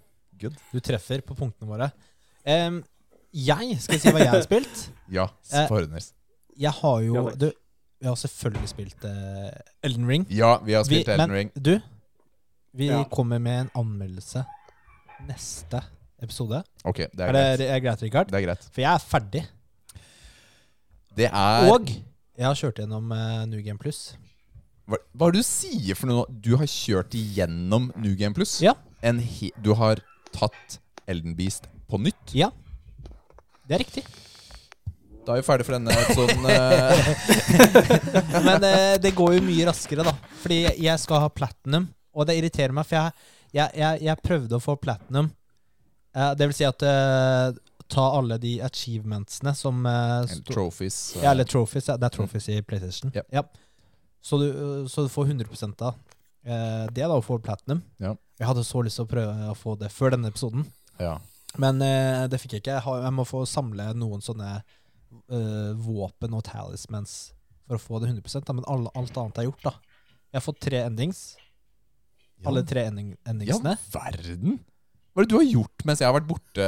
Altså, her har jeg vært på konsert og på jobbreise, og du har åpenbart uh, Bruk tiden annerledes, ja. brukt tiden annerledes. Ja, det er helt riktig. Men uh, det går jo mye raskere enn New Game Plus å komme til slutten, for da trenger jeg jo ikke utforske. Ja, men Du utforsker jo ingenting. ikke sant? Du går vel bare rett til Boston? Ja, da er det bare å gå rett til Boston, og så Ta hesten og så bare galoppere bortover. Ja, basically. Mm. Eh, og så prøvde jeg en ny ja, jeg, jeg trenger ikke Jeg kan ta det neste gang. Ok. Du? Jeg har også spilt Elden Ring, og jeg var jo på Elden Beast før deg. Ja. Og jeg satt, jeg satt der. Det er jo siste aller, aller siste bossen. Vi er, eh, vi er spoilercast, holdt jeg på å si. Altså Vi skammer oss ikke fra å snakke om dette spillet her. Og det har vi vært veldig tydelige på. Så alle som har hørt om spillet, det, her, her snakker vi åpent. Men, Men- jeg hadde jo ikke sett noen spoilere om de siste bossene. jeg, Før. Nei, ikke jeg heller, fordi jeg har jo unngått å lese om det. Jeg har unngått Ja, å se jeg er jo på subretten, men ja, ja. ja, men jeg har unngått å Ja. lese om det. Og jeg kom til Ellenbys, vi skal snakke om uh, mer om det senere. Og så var jeg der. Det er kvelden før jeg reiser til Tyskland. Og så har jeg bare så så mye tid, rett og slett. uh, før jeg faktisk må pakke sakene og legge meg, for jeg må pisse tidlig opp. Og så var jeg sånn Jeg prøver. kunne døgna, da. Jeg prøver. Jeg prøver. Ikke sant? Og så kommer jeg, og så får jeg Jeg chip damage unna å ta han i uh, Ta han. Det er jo sur, ass. Og så er jeg sånn Kom igjen. Alt jeg vil, er å være ferdig før Nils. Alt jeg vil, er å være ferdig før Nils. Og- Og det ble jeg ikke. Jeg Nei. har ikke tatt den. Du har ikke tatt den? Nei, fordi jeg måtte jo reise til Tyskland, og siden da så har det gått i ett, faktisk. Så nei, jeg har ikke runda Men du, er, du vet at du har den, da, når du har chip damage Ja, selvfølgelig. Men den bossen er jo Det er ikke to faser, det er to bosser i ett. Ja. Det er litt eh, vanskelig, fordi den første bossen så bruker du en del Altså, han er så aggro. Oh ja, jeg opplever eh, førstebossen som easy-peasy. Seriøst? 15 sekunder trenger jeg på han. Kødder du? Nei. Ja, hva? Det, men skal jeg se hvordan du spiller den, ass? For det er Ja, veldig rart. ja, men så akkurat, det, akkurat den får jeg til, Mm. men jeg sliter veldig med beasten etterpå. Mm. Det er der jeg sliter. Jeg trenger maks én sånn der eh, liv-ting og én sånn FB-flaske, og så er jeg ferdig med første. Ok, jeg får se etterpå. Men, men har Nå har jeg forsnakket meg. Nå kommer jeg til å bli avslørt i løgnen etterpå. Ja, den skal jeg se. Eh, har du spilt noe annet? Nei, men jeg har sett på, jeg har sett på noen serier. Fordi jeg Tidligere så reiste jeg jo med Switchen. Uh, når jeg hadde sånne reiser som dette her. Men den Switchen bruker jo nå Matheo. Mm. Altså han, han gamer jo på den, og han syns det er veldig ålreit å game på kvelden på den. Jeg vet han spiller med Milla eller, eller med meg osv. Og, så og det, er, det er litt sånn kjipt av meg å ta den, så jeg har ikke tatt den med. Så jeg valgte å se på serier istedenfor. Kommer det en liten sånn anbefaling der, da. Ja, hva da? Sett på en serie som heter Vinyl, Vinyl? som er på HBO Max. Hva er den? Altså, den er ikke norsk, liksom? Nei, dette Nei. er en uh, eh, amerikansk serie som handler om Vinyl. Vinyl. Ja, men- hvordan, hvordan sier du det? Vinyl. Ja, altså, ja, det vinyl. Ja, så det handler om et uh, plateselskap Ja. på 70-tallet. Og lederen for det plateselskapet, rett og slett. Og det er jo masse artister. Det, også, jeg har aldri sett så mye kokain uh, noen gang. Altså, det, jeg vet ikke hvor mange pose med sånn der eh, Jeg vet ikke om det er Er det mer enn dere har i Düsseldorf, på kontoret der? Ja, det er mer enn det vi har. eh, på kontoret. Eh, nei, men også er det på en måte eh, det er, det er ganske mye som skjer, da. Det er jo ikke en actionserie, men det er en drama som jeg føler meg veldig investert i. Da. Jeg er jo veldig glad i musikk, men jeg tror man kan like denne serien uansett, for det er så mange sterke personligheter. Og det er litt sånn crazy ting som skjer underveis. Og, og så er det, det er kul musikk, da, eh, i, i serien. Og så møter man jo på på å kalle det kjendiser. Altså man møter jo Alice Cooper, da, eksempel, i serien. Eh, Mm, de prater med mm. han. Eh, og så videre. Altså masse andre kjente artister som de, som de framstiller på sin måte. Jeg syns det er kjempespennende. Og det handler om eh, ja, plateselskap da, og måten det skal overleve på. I 73 1973 eller noe sånt. Så det er en litt sånn annen tid. Og jeg har kost meg, rett og slett. Så lille anbefalingen eh, min der. Terningkast? Bra. Terningkast. Og jeg har jo ikke sett den ferdig. Jeg har sett fem-seks episoder. Ja, du må se hele. Mm. Ja, men denne her er jeg committa til. Ja. Jeg syns det er kjempegøy. Og nå, nå har det blitt min episoder. nå har du, Jeg har faktisk ikke sjekka. Jeg liker ikke å sjekke antall episoder. Ok. Men eh, det, det har jo blitt min reiseserie, så nå blir jeg jo ferdig med den til neste uke. Du skal reise igjen. Jeg skal jo reise i morgen Ja. uh, igjen, så da uh, kommer den til å løse seg. Men foreløpig ja, Den her liker jeg, altså. Uh, vi må nesten gi det innenfor, innenfor bicepsene da til uh, muskelnerdene. Eh, OK. Av ti. Men for meg, for meg åtte. Mm. Jeg er ikke overbevist om at det er åtte for deg, Nils. Nei, Basert det høres ikke helt sånn så Jeg hører ikke ut som den treffer meg 100 Nei, nei, jeg tror ikke den gjør det. Men Men kanskje du, som hører på nå, ja, kanskje du. HBO Max, vinyl. Men jeg har jo også Mm. spilt noe annet. Men Unnskyld meg. Eh, siste ting. på Ok, siste ting. Første episode satte jeg på, og jeg trodde jeg satte på en film. Altså Første episode er over halvannen time. Ja, noen ganger er det sånn, altså. Det er blitt sånn. Og så etter det så var det 50 minutter Ja. på episodene. Og jeg, jeg var sånn Skal den aldri stoppe? Altså, hva skjer her? Altså, Jeg satte den jo på altfor seint en kveld. Mm. Og Men, så ta, ta en liten episode før senga, jeg, så Ja, jeg, hadde ikke sjekka hvor lenge den varte. Ta en liten episode. Å ja, halvannen time, ja. Og så var jeg committa, så jeg valgte å, å se den. Unnskyld. Unnskyld. Fortsett. Nei, det er helt fair. Mm. Eh, jeg har også spilt eh, League of Legends. Oi, er det sant? ja, jeg har det, vet du. påskelanet så Ja. har du tatt det opp? Ja, jeg har det. Eh, Jeg sa jo at jeg kanskje skulle begynne å spille det igjen. Det Ja, men jeg trodde jo ikke noe på det. Nei, jeg, jeg skjønner det. Eh, Jeg har ikke starta å spille rank ennå, for jeg må spille litt for å bli Det er liksom litt dumt å starte rank, og så blir jeg Iron 5, da, for det er så dårlig. Eh, Er, er det vanskeligere å komme seg opp etter at du har fått en rank? Jeg tror det. Ok. Eh, Men det, det er ikke så farlig, jeg bare spiller for moro skyld. Men eh, nå er det sånn, jeg, jeg har spilt litt med Jonny. Og det er, det er ganske morsomt, da. Det er det. Eh, og så, så vi får se. Se hvordan det går. Jeg trenger ikke å si så mye mer om det enda. Jeg kan si det neste gang. Jeg så faktisk ferdig nettopp den League Legends-serien eh, nå forrige uke. Du gjorde det, ja? Hva er det den heter Ja. igjen? Eh, Den hadde du sett også, Rikard. Ar Arcane? Arcane, eller noe sånt. Arcane, ja. Ar Arcane, ja. Er, er den bra? Ja, den er faktisk eh, ganske bra, altså. Ja, nå må jeg se den, da, siden jeg spiller det. Ja, det syns jeg du bør uh... Ja, men den serien tror jeg du kan like, altså. Ja. Virkelig. Den Det skal jeg er, sjekke ut. eh, Den var veldig, veldig bra. lika, og utrolig bra musikk til serien. Og, ja. Det var en kul serie, altså. Mm. Ja, det er, Konge. Ja, og den uh, Jeg liker jo ikke spillet i det hele tatt, men uh, serien uh, syns jeg var ok. Syns det, altså. Jeg så jo den sammen med Matheo, altså min eldstemann, da. Du, eh, det står i programmet, Nils, du har skrevet inn at du har Nei, kan ikke dere lese de der spillene de, de, de du har skrevet inn igjen? De Du gjør det hver gang. Jeg får aldri Aldri gjort det med deg lenger. Ja, hadde du forberedt programmet, så hadde du kanskje Filler'n, ass. Men hvordan, eh, hvordan funker egentlig Satans Butt Buddies? Eh, Ja, den er ganske bra. på det? Ja, den er litt uh, interaktiv, da. Er det noe tilbehør eller noe sånt man må ha for Ja, å det, spille er, det? det får du, vet du. Ja, ok. Jeg skjønner. Vi går over til ukens pappatips. Tips. Denne uken så har det jo også skjedd mer i går. Eh, og det jeg tenkte på nå, var barnebursdager. Fordi vi har hatt eh, barnebursdag denne uken her. Timmy ble åtte år for en drøy uke siden, Mhm. Gratulerer til han. mener jeg. Nå må, jeg, nå må jeg tenke meg om. Det er mer, Gratulerer enn, det er mer enn en drøy uke siden. Så hør på nå, så må du skru av, for det er ikke for barn, denne podkasten. Nei, den er ikke for barn. Han har bursdag 5. april. Det er mer enn en uke siden. Jeg har ingen kontroll på Det har ting. ikke noe å si. Men Ingen andre uansett- som vet det. uansett, så hadde vi barnebursdag for han. Og det er sånn uh, triks er at uh, du burde velge å få barn på et tidspunkt hvor du kan ha utebursdag. Det er veldig viktig. Ja. Så det er første tipset. Så må planlegge uh, når barnet kommer. Fordi vi hadde ni stykker som var innom, og det var alle fra fotballaget som han spiller på. Så det er sånn passe med energi. Det er ikke et, eh, de er ikke et eh, helt fotballag engang. Nei, men altså, man De spiller, spiller jo syver, de. Nei, man spiller jo enten altså, treer eller femmer. Liksom. Er Treer eller femmer? Ja. Det er små baner, altså. Så det kommer litt an på dagen og sånt, hvordan de spiller. Men ja, eh, det var jo ikke hele fotballaget som kunne komme, men det var ni som kom. Ja. Og da var vi ute, og Timmy og resten av familien har jo fått ganske dilla på Kompani Lauritzen. Ja! Som er et sånn lite program som du har sett på, Ja, og som du kjører hard lobby for at vi skal være med på. Yep. Hiv ohoi. Uh, så ja, Svein Erik, om du kjenner noe i castingen til TV 2, så vet jeg at Nils veldig gjerne ønsker at vi skal være med der. Okay. 100% Og da had, Liv har jo ordna denne bursdagen veldig.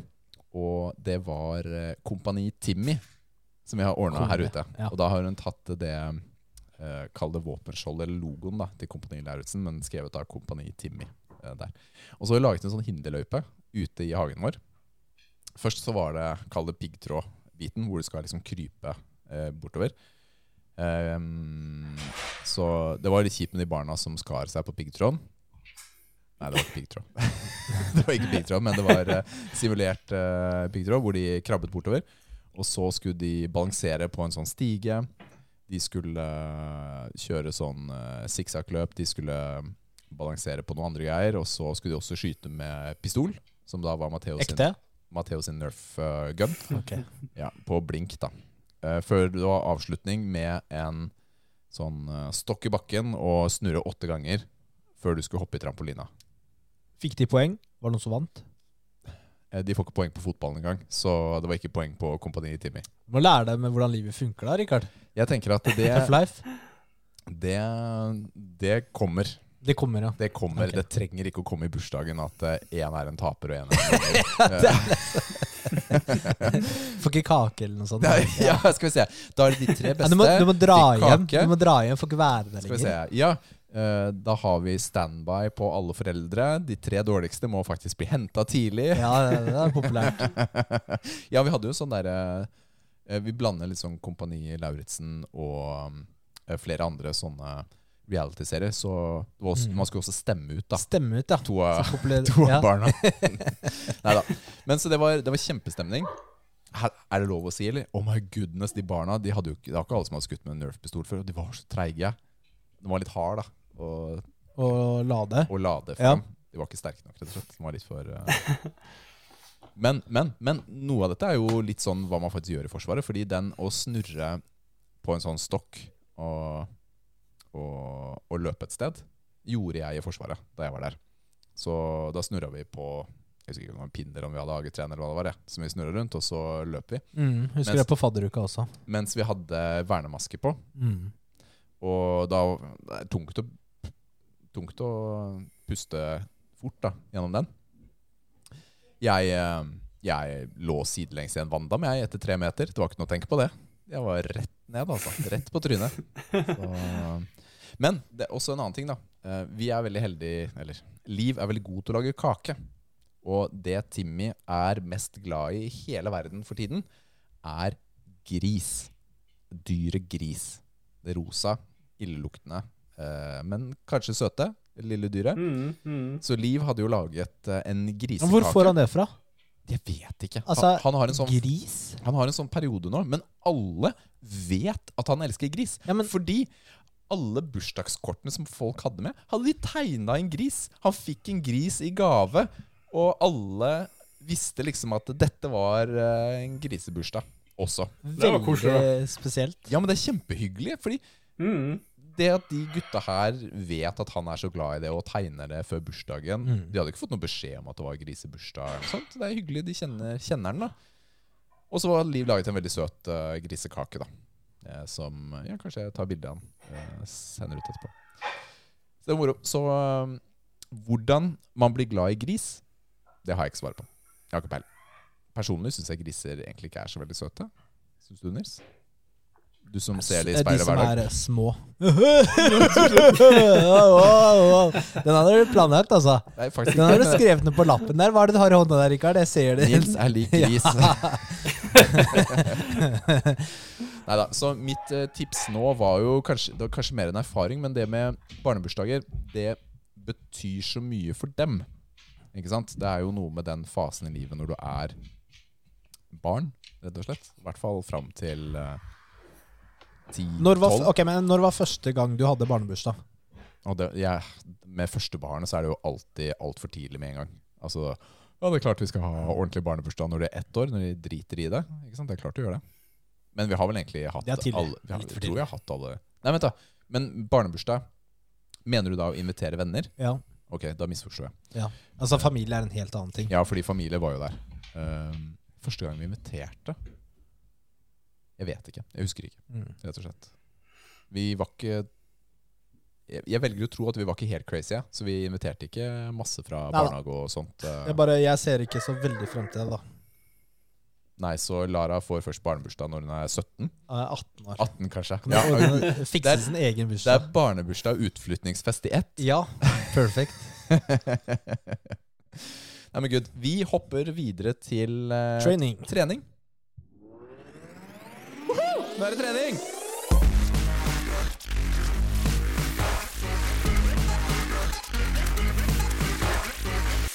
Åh, nå er jeg sliten. Ja, da har vi kommet til treningsbiten. Eh, og som vanlig så lurer vi på hvordan har treningsuka gått? Eh, vi kan jo begynne med deg, eh, eh, Svein Erik. Hvordan Ja. har, eh, har du Trener du fast, og hvordan har treningsuka di vært denne uka? Jeg trener fast, jeg trener hver dag. Eh, eh, og den har gått egentlig ganske greit. Jeg driver jo og ligger i underskudd nå, så trening blir jo fort litt annerledes opplevelse når man spiser litt mer. Men eh, jeg var ganske fornøyd med prestasjonen den eh, uka her. Har vært litt rart sliten i ryggen. Det er jo ikke noe gøy til å ta knebøy når du føler at noen står og trekker på ryggstrekkerne dine som at det da Ja. Eh, Men eh, utover det så er jeg ganske happy, altså. For at prestasjonen holder seg så bra når du ligger i et ganske eh, greit underskudd med energi. Ja, ikke sant? Hva Eh, er det som er treningsmålet Eller hva er, hva er målet ditt nå, siden du er i underskudd? Eh, Målet mitt er jo å bare eh, kutte ned på 5 for, av estetiske grunner, eh, først og fremst. Eh, men eh, det er jo kostholdsmålet. Altså, jeg har jo lyst til å, når jeg er ferdig å kutte, at jeg skal fortsette å jobbe videre mot å øke knebestyrken tilbake mot uh, gamle høyder. da. Uh, for jeg fikk jo en skade i hoften for noen år siden og har ikke kunnet tatt vanlig knebøy før egentlig nå siste ukene, egentlig. Eh, Så i korte trekk kutte, kutte litt flesk og, og fortsette å bygge litt styrke i Mm. Hva, hva er gamle høyder? Hva er persen? Knebøy. knebøy? Knebøy 255. 2,55! I all verden, Ja. ass. Det er bra. Ja, det er jo dobbelt Det er nøyaktig dobbelt så mye som min. Det er, det er, bra, ja, det er supert. Kjempebra. Good for you. takk, for, takk for det. Men da, ok, nå, siden vi har starta på det Nå blir det jo sånn derre Nå blir det sånn dick measuring når du har starta det, Nils. Da Ok. går, du- kommer du på sisteplass, Rikard. Ja, jeg vet jeg kommer på sisteplass. Det er derfor jeg kan stille spørsmålene. Eh, hvordan er det med de andre løftene, Svein Erik? Hvordan er det i markløft og benkpress og sånt? Eh, nei, jeg har ikke tatt de løfta så mye seriøst etter eh, den siste tiden, egentlig. Men eh, persene, altså all, all time best i benk, er 65,5. 65,5 av alle ting. Og i markløft er det 272,5. Nå, nå ble jeg veldig usikker. 65 kilo i benk. 165, Nei, kanskje? hun, 165,5. Ja, okay, Ja, da er vi enige. 165, ja. Du, du, du sa ikke 100, Ja. nemlig. Ja. Nei, nei, det er bare. Noen ganger er det bare at Noen ganger sier man bare første Altså, noen ganger sier man bare 65, og så vet man at det er 165. Ja, vi, vi gjør jo det på gymmet, men uh, Men du kan ikke si sånn når det er så nærme min egen pers, ikke sant? Nei, men altså, Den faktiske 65,5. Ja, men det er de som det er, de, det er ikke alle som hører på, som skjønner det. Fordi sånn er gymspråk hvor man forkorter og du sier uh, uh, Ja, sånn bare det siste, da. Jeg Det skjønner ikke alle 165,5. Ja, det er bra. Yes. Og så Mark- to- 200 og 72,5 i markløft. oh, Ja, Det er Sterkere bra. enn deg, Nils. I markløft. Sterkere enn deg, Nils. Ja, det er sterkere enn deg, Rikard. Ja, men jeg starter, er derfor jeg stiller spørsmål. Ja, han er jo sterkere Han enn er sterkere enn meg nå, men uh, til jul, da skal jeg ta okay, okay. Da skal jeg slå den. Skal slå den. Skal slå deg, Svein Erik. Jeg tok, eh, jeg tok 200, 260 er min eh, pers i markløft. Nice. Så, Det er men kjempebra. jeg vil- ja, jeg- ja, jeg er eh, fornøyd Ja, jeg er sånn semifornøyd, da. Jeg føler jeg egentlig burde ha tatt mer. Altså, jeg har veldig lyst til å ta 300 en dag. Ja, det får du til, 300. altså. Herregud. Da, Ja, ja. da kan jeg pensjonere meg. Ja, det har du sagt åtte ganger på benkpressen også. Men uh, hva er persen din på knebøy, Nils? Ja, det er eh, Hva er det? 220, tror jeg. Nils er abnormt sterk i brystet. Han har jo tatt, over, han har tatt 200 da, i benkpress. Så Nei, har har du det? 200 benkpress. Ja. mm. Seriøst? Det er jo helt dritbra. ja, det er jeg veldig fornøyd med. Mm. Eh, men det, er- det, er- litt sånn skjevfordelt. da Når jeg er, eh, bare tar, har tatt 2,20 i knebøy, så er ikke det så stor forskjell. Så det er litt sånn Jeg har en kunde også som uh, kunde som tar 200 i benkpress, og så hadde han en periode der han tok like mye i benkpress som han tok i knebøy. Det var litt Ja, egentlig. ikke sant? Ja. Ja, men det er jo nesten der du er. Men altså, sånn er det når du har trent bare bryst i ti år på rad, ikke sant? Jeg har, jeg har jo trent ben nå, men eh, jeg har ikke hatt like mye fokus på knebøy, da. Mm. Men, men du har jo en eh, er det, er det kone eller kjæreste eller samboer du har, Svein Erik, som Eh. er veldig sterk? Hun konkurrerer? Ja, det er forloveden min. Det, ja. Hun, ja, hun er absolutt uh, Norges sterkeste kvinne altså innen styrkeløfter. Og så håper jeg at hun skal vinne. Ja, ja, ja. Altså, uh, hun Samla på poeng så er hun vel den sterkeste kvinnen i hele Norge på tvers av alle vektklassene, om ikke jeg husker feil. Uh, og så håper vi at hun skal vinne VM, som er nå om noen uker, da. Shit, Du må ha en liten shout-out på full navn og sånn her nå. Det er så lytterne kan søke Marte det. Marte Kjenner. Marte Kjenner. Det er bare å søke opp. Hun er dritsterk. Ja, det er Mm. veldig imponerende. Hun løfter jo Hun er jo sterkere enn oss, da, hvis du tar på, eh, På poeng, hvor mye hun Ja, ja. veier, og hvor mye hun løfter. Ja, ja. Det, Nei, det, det kan ikke jeg si live, forresten. Det kan ikke jeg si uh, offentlig, men uh, sånn Altså, hadde ikke du vært så tjukk, Nils, hadde du også vært kjempesterk. Hadde jeg shredda litt, og så hadde jeg også nedda. Nei, men det er veldig imponerende. Coacher du henne, eller har hun egen coach utenom? Nei, jeg trener, jeg trener henne, ja. Mm. Ja. Trener dere sammen også? Nei, for Eller at eh, trener dere hver for dere? vi har litt eh, ulik struktur på øktene våre, og så trener vi mye Hun trener mye på jobben sin, og eh, jeg trener stort sett her hjemme, ute på balkongen på hjemmegymmet vårt. Mm. Så trener typisk Rister ikke sammen. godt i leiligheten under da, når du kjører reps på markluft og sånn. Ja, jeg husker det kom opp en eh, gang En av de første gangene jeg trente hjemme her, så kom det opp et, gammel, to gamle damer, sånn skrøpelige gamle damer, nesten med sånn rullator, og bare Mm. 'Det er bomber, og er det bomber? Fører dere bombene?' Eh, og, og så måtte, måtte det jeg bare Det høres ut som en sånn skrøne. Ja, ja, det var helt sant. Så måtte jeg bare si at nei, ja, unnskyld, det er vi som driver og, eh, driver og trener. Og så måtte jeg må du kjøre sakte eksentrisk på markløften her hjemme, da. Men du kan kanskje legge ut noe skumgummi eller noe litt padding, kanskje? For. Jo, men eh, eh, med de jernskivene så det går så Det nesten så det går så direkte gjennom gulvet at du, du må ha Ja. eh, Du må ha både en plattform og du må ha oppi Vi har jo matte og sånn som ligger der, sånn tykke sånn eh, Hva heter det, regipolmatte, men du må ha en plattform, og så må du ha matte Altså, for det er vibrasjonene som er problemet, egentlig. Ja. Mm. Mm. Så, Ikke sant? Så det, litt vanskelig. Men forhåpentligvis når vi flytter til hus, så får vi løfta i, garasjen eller i kjelleren og kan bråke litt mer. Mm. Men så, så disse løftene er på hjemmegymmet, så det er bra jobba. Det er kult. Eh, men da heier vi på Marte, var det det? Marte, ja. Marte kjenner Ja, jeg. på, på, eh, på VM. Ja, vet du Ja. Det er helt sjukt, ass. Det Vi er har- kjempestas. Vi har fått inn noen spørsmål eh, til deg, Svein Erik. Mm. Eh, og da Du har dem oppe, Rikard. Ja, jeg har de oppe. Eh, det er jo noen, eh, noen forskjellige. Mm. Så du bare, bare prøv å svare på dem. Det er, Ja. ikke, det er jo ikke sikkert du kan svare her og nå på sparket. Who knows? Men eh, vi får se. Mm. Vi har fått inn eh, et par stykker fra Anna Kristina Dale. Hun spør Mm. f.eks. makroplan.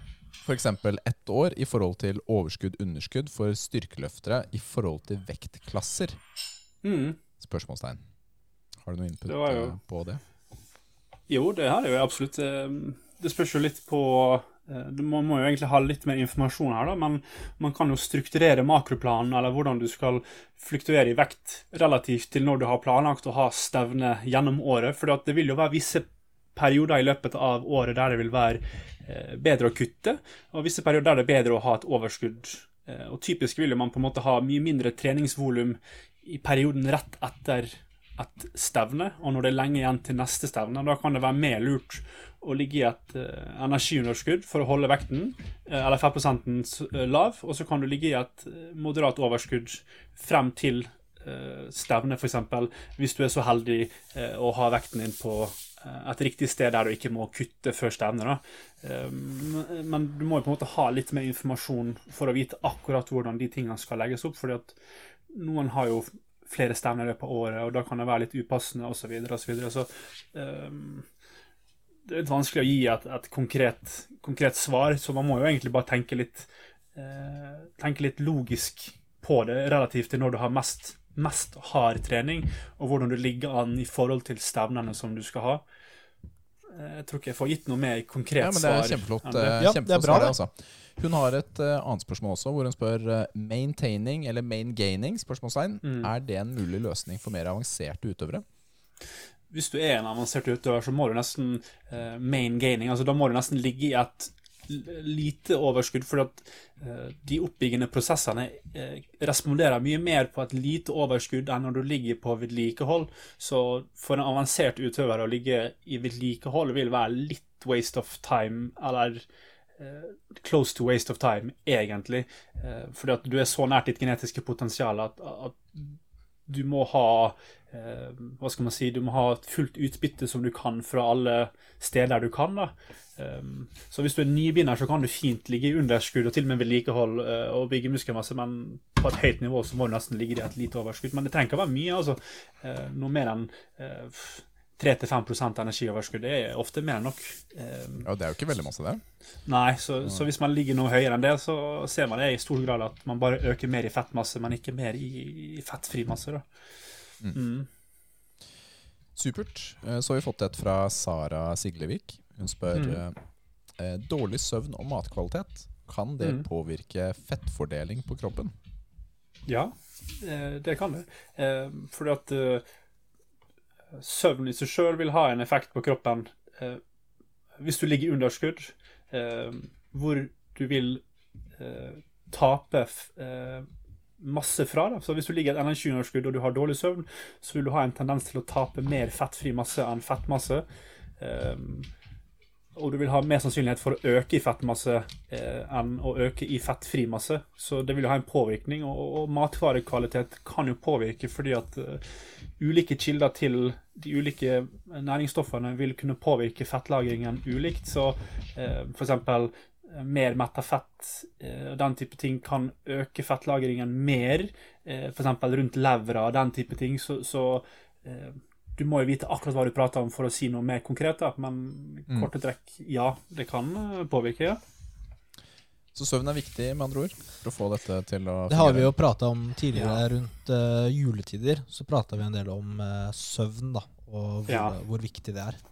Og det er ikke så mye som skal til heller. altså det, eh, Hvis du sover typisk én time mindre enn typisk altså Hvis du sover for eksempel seks timer istedenfor sju-sju og en halv time, så ser man at det også kan ha en påvirkning. altså så um, Hvis Og så er det faktisk ikke så mye som skal til heller, nei. Nei. Men ser man eh, og Dette er litt sånn spørsmål fra min side, da. Fordi man har jo litt evne til å ta igjen søvn som voksen. Mm. Altså Mm. hvor du kan eh, sove deg inn igjen i helgene, f.eks. Mm. Um, ser man på søvn som et sånn gjennomsnitt over uken, eller er det typ sånn dag til dag det fungerer? Det er et godt spørsmål, da. Slik jeg forstår det, så er når det kommer til endring i kroppsmasse, så ser man det fra dag til dag. Men hvis det er typ, eh, hvis du har sånn, snakket om sånn søvngjeld og kognitiv funksjon, så kan man også begynne å snakke om det på en ukentlig basis. At du kan på en måte ta igjen eh, søvn som du ikke har fått i løpet av uka, mer i helgene. da. At du kan ta igjen søvngjelden din i helgen, Ja, kognitivt så, så er det forståelsen min også, eh, at det brukes ukesbasis. Men eh, ja, i forhold til eh, det vi snakket om eh, Endring i, i kroppsvev. Endring i kroppen og i Ja. kroppsvev, ja. Man har jo et, jeg kan ikke huske at man har gjort en studie på akkurat eh, om man på søvngjeld og, og ukentlig versus gjennomsnittlig, men de studiene som er gjort, ser på den daglige fordelingen, og, og det virker ikke rasjonelt for meg at man skal kunne ta igjen søvn, og at det skal påvirke. Jeg tror man vil se samme effekten hvis jeg skal gestimere at du må være mer konsekvent med søvnen din, og så er det viktig at søvn har jo effekt på f.eks. Eh, impulsivitet og sånne type ting som påvirker energiinntaket. Så, så, så det er jo mer enn bare ukentlige snittet som man må se på.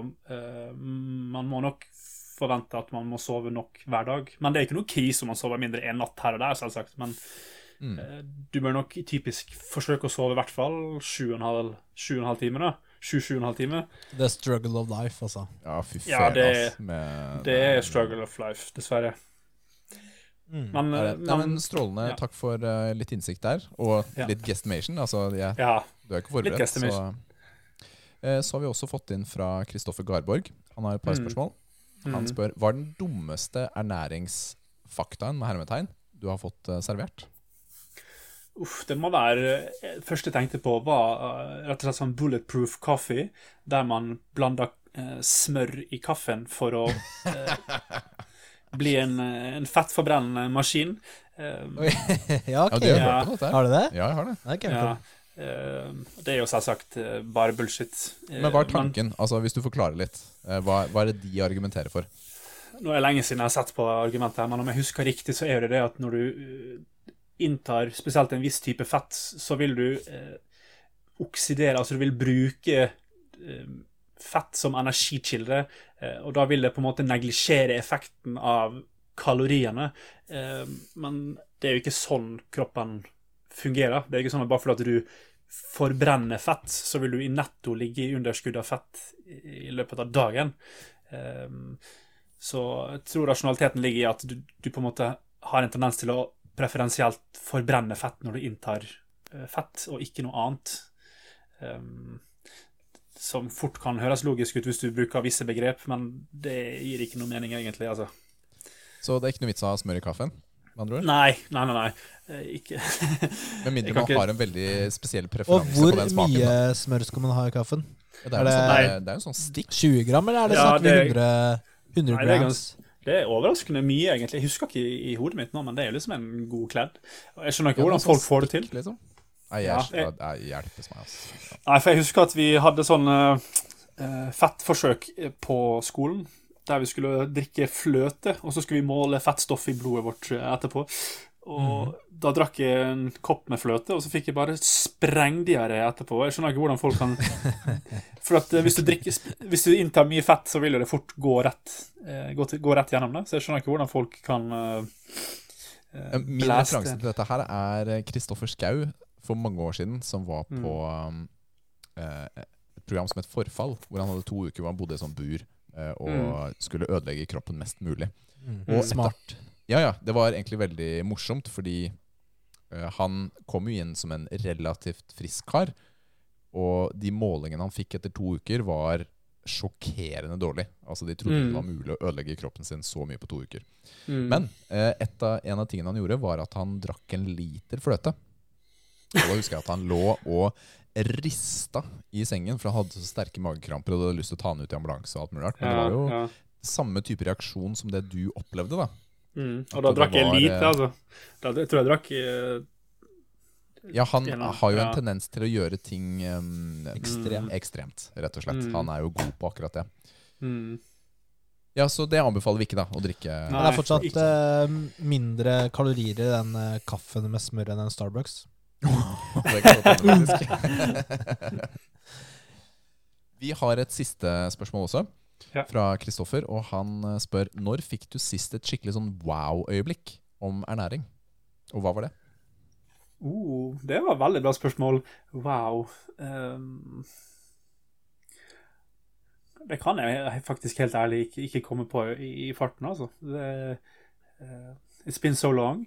Eh, Så smart, vet du. Ja. Eh, Nei, men det er så- det er så lite som er så Det er så lite som er så revolusjonerende lenger, ikke sant, at jeg- Det har jeg faktisk ikke noe svar på, egentlig. Mm. Dessverre. Men det var et veldig bra Det går helt spørsmål. fint. Det var et veldig bra spørsmål. Det er ikke så lett å svare på sånne ting på sparket. Nei, Har jeg, du noe, Rikard? nei, men altså jeg har eh, Ikke om ernæring, da, men i forhold til treningen. Jeg har nevnt det så vidt en gang før, men for min del, da Det er bare å spesifikt på tåheven, eller når vi skal gjøre Ja. Trene legger, ja. og kjøre rolig. Altså konsekvent være rolig på leggetreningen, så vi ikke bruker scenen til å Ja, At du tar en liten pause i bunnposisjon. Alltid pause i bunnposisjon nå. Føler jeg har hjulpet meg masse eh, de siste ukene. Jeg syns det har vært Mm. kjempedeilig. Plutselig er det gøy å trene legg igjen. Mm. Jøss. Eh, For jeg føler det er feber. en pump, da. Feberfantasi. Ja. Men det er eh, Jeg syns det har Det har vært veldig ålreit for meg, da. Og legg har alltid vært kjedelig å trene. Mens nå syns jeg det er mer morsomt. Mm. Mm. Så bra. Du, vi har jo også ukens øvelse. Ja. Og vi kommer Ja. fort innom her. Stephen Hawking. Stephen Hawking. Stephen Hawking. Stephen Hawking. I'll be back. I'll be back. Og ukas øvelse, det er eh, skulderpress. eh, det er til ære for Richard. Rikard. Eller Og- militærpress. Eller er militærpress, da, som det egentlig var. Eh, overhead barbell, barbell shoulder press. Mm. Eller med dumbbells, da, for deg. Ja, jeg Ikke sant? hantler. Og jeg kan begynne. da. Altså, det er jo eh, Jeg har jo vært veldig opptatt av militærpress de siste par månedene. Altså, jeg har jo veldig lyst til å øke i styrke i militærpress. Mm. Og det har vært veldig gøy for meg, da. Jeg tok faktisk en ny pers i går. Oi, er det sant? Ja. Gratulerer. Få gratulerer. høre hva det var. Eh, 110. Ja, ja. Bra. Ja, så jeg er eh, Altså, det er jo, det er jo drittungt å øke. Altså, det er vanskelig å øke i eh, Mm. kilo der. Jeg starta jo, eh, Svein Erik, og da var det sånn 100 kilo var jo møkkatungt, Mm. ikke sant? Eh, og eh, jeg, jeg trodde jeg skulle ha litt mer fremgang, da. Men det går veldig sakte. Det går, Eh, går veldig sakte. Det går typisk halvparten av tempoet til benkpress, så, så det går jo veldig eh, tregt, altså. ja, altså det er, det er, eh, det er ikke så, er ikke så lett å jukse som gjelder, da. Men eh, det er gøy. Jeg, jeg kjører det jo én gang i uka, da. Jeg kjører jo ikke liksom to ganger. Jeg kan ikke liksom rettferdiggjøre og ha det som fokus to ganger i uka. Eh, Ja. Men én gang i uka, det, det går helt fint. Og det er Mm. veldig gøy, da. Jeg, jeg synes det Eller det er liksom motivasjon for meg, da. Mm. Nå som vi har en ekspert her, så kan jo du Svein Erik, kanskje fortelle hva er dette for en øvelse? Hva, hvordan gjennomføres den? Det hadde jo vært best å vise, men eh, det er jo en øvelse som trener forside av skulder, delvis midtredel av skulder, bakside av arm, og hvis du bøyer deg godt nok bakover, så trener du litt bryst også. Ehm, du vil jo i hovedsak så vil du stå med stanga eh, liggende rundt øvre bryst, nært eh, kragebeinet ditt, dytte hodet ditt bak for å gi eh, mulighet til at stanga går forbi fjeset ditt. Så vil du skyve stanga opp i en rett linje og føre hodet frem, og så vil du låse ut med strake armer. Og det var en eh, basic eh, barbell overhead press. Ja, det var veldig godt uh, forklart. Han, han får jo betalt for å forklare sånne ting. ja. eh, men det var veldig godt forklart. Og i tillegg så, så, så går det jo litt eh, abs også, så du stabiliserer jo og nedre rygg. Ja, eh, du vil jo. Jeg, jeg, jeg strammer jo hele kjeden fra Altså føttene mine tenker jeg liksom skal være ja. ankeret, og så strammer jeg musklene opp i, i, Mm. i kroppen. Eh, mm. Du vil jo Ja. typisk eh, Du vil jo typisk binde ned med føttene, og så vil du stramme setemusklene, skyve hoften frem osv. Alt for å på en måte hindre eh, kraftlekkasjer, da. Men eh, jeg tror ikke de fleste vil forstå hvordan de skal gjøre det uten å bli forvirra. Men eh, det er jo helt riktig at for å ta 110, så må du ha en veldig stabil base å presse ifra. mm. Ja. Mm. Eh, Rikard, han har jo eh, du, eh, Rikard, du kjører jo ikke med stang, for du har litt eh, Ja, jeg har eh, smerte i skulder, så du kjører med tantler. tilbakevendende skulderskader. Eh, Mm. kommer mm. stadig vekk. Og for å Mm. være helt ærlig, så tok jeg den øvelsen denne uken. Ja. Eh, men jeg har ikke lyst til å ta det neste uke. Har du ikke det? Nei, Altså, fordi selv om du har eh, eh, armene altså litt mer vinkla fremover, så får du problemer? jeg prøvde både Problemer? vinklet fremover og vinklet til siden, men føler likevel at det kniper på innsiden av høyre skulder. eh, På en Mm. måte som jeg er ukomfortabel med når, Mm. uh, når jeg er ferdig med økta. Mm. Så det ble med denne uken, og så får vi kanskje komme tilbake seinere. Så jeg Mm. har, eh, jeg har lagt andre skulderøvelser da, inn i mitt program, rett og slett for at jeg liker å sove om natten. Eh, det, er, eh, det er så enkelt som det. Jeg, jeg blir ganske mye mer skada enn det Nils gjør. Jeg, Mm. Kroppen min responderer ikke så veldig godt på tunge vekter ofte. Mm. Men, eh, men ja, så, så skulderpress eh, er ikke en Det er ikke en favoritt pga. det, men jeg Mm. har hatt det veldig mye gøy med disse øvelsene her opp gjennom tiden. Altså, dette er jo the o, det er en sånn OG styrkeløfterøvelse. De trente jo ikke Veldig. benkpress i gamle, gamle dager. Nei. De trente jo Det overhead overhead press. Mm. Ja, ja. rett og slett. Så du ser jo sånne gamle statuer, men også gamle bilder av bodybuildere. Så er de flatbrysta. Det er skikkelig bra skuldre og armer. Ja, ja. Eh, Så det er um, Jeg mener på skulderpress var med i OL også frem til 70-tallet. Oi, Jeg Ja. ikke. Men de måtte ta den ut fordi at folk eh, klarte å lene seg så ba langt bak at det ble vanskelig å bedømme utførelsen strikt. Oi, seriøst? Ja, så de, hvis, du, Hvis du hvis, du søker, ja, hvis du søker på Google, så får du opp noen som ligger nesten helt vannrett med gulvet. Altså, det er helt sjukt. Oi, Og da løfter de, de de faller, faller ikke, liksom? Nei, nei, nei. nei. Det er helt, eh, helt sykt å se på, og de løfter møkktunge vekter. Altså. Men kan man da kalle det skulderpress? Jeg Nei, skjønner nettopp. at det er vanskelig, altså. Jeg skjønner Nettopp. at det er vanskelig. Men de har jo, de har jo sånn eh, Hva heter det? Sånn snatch og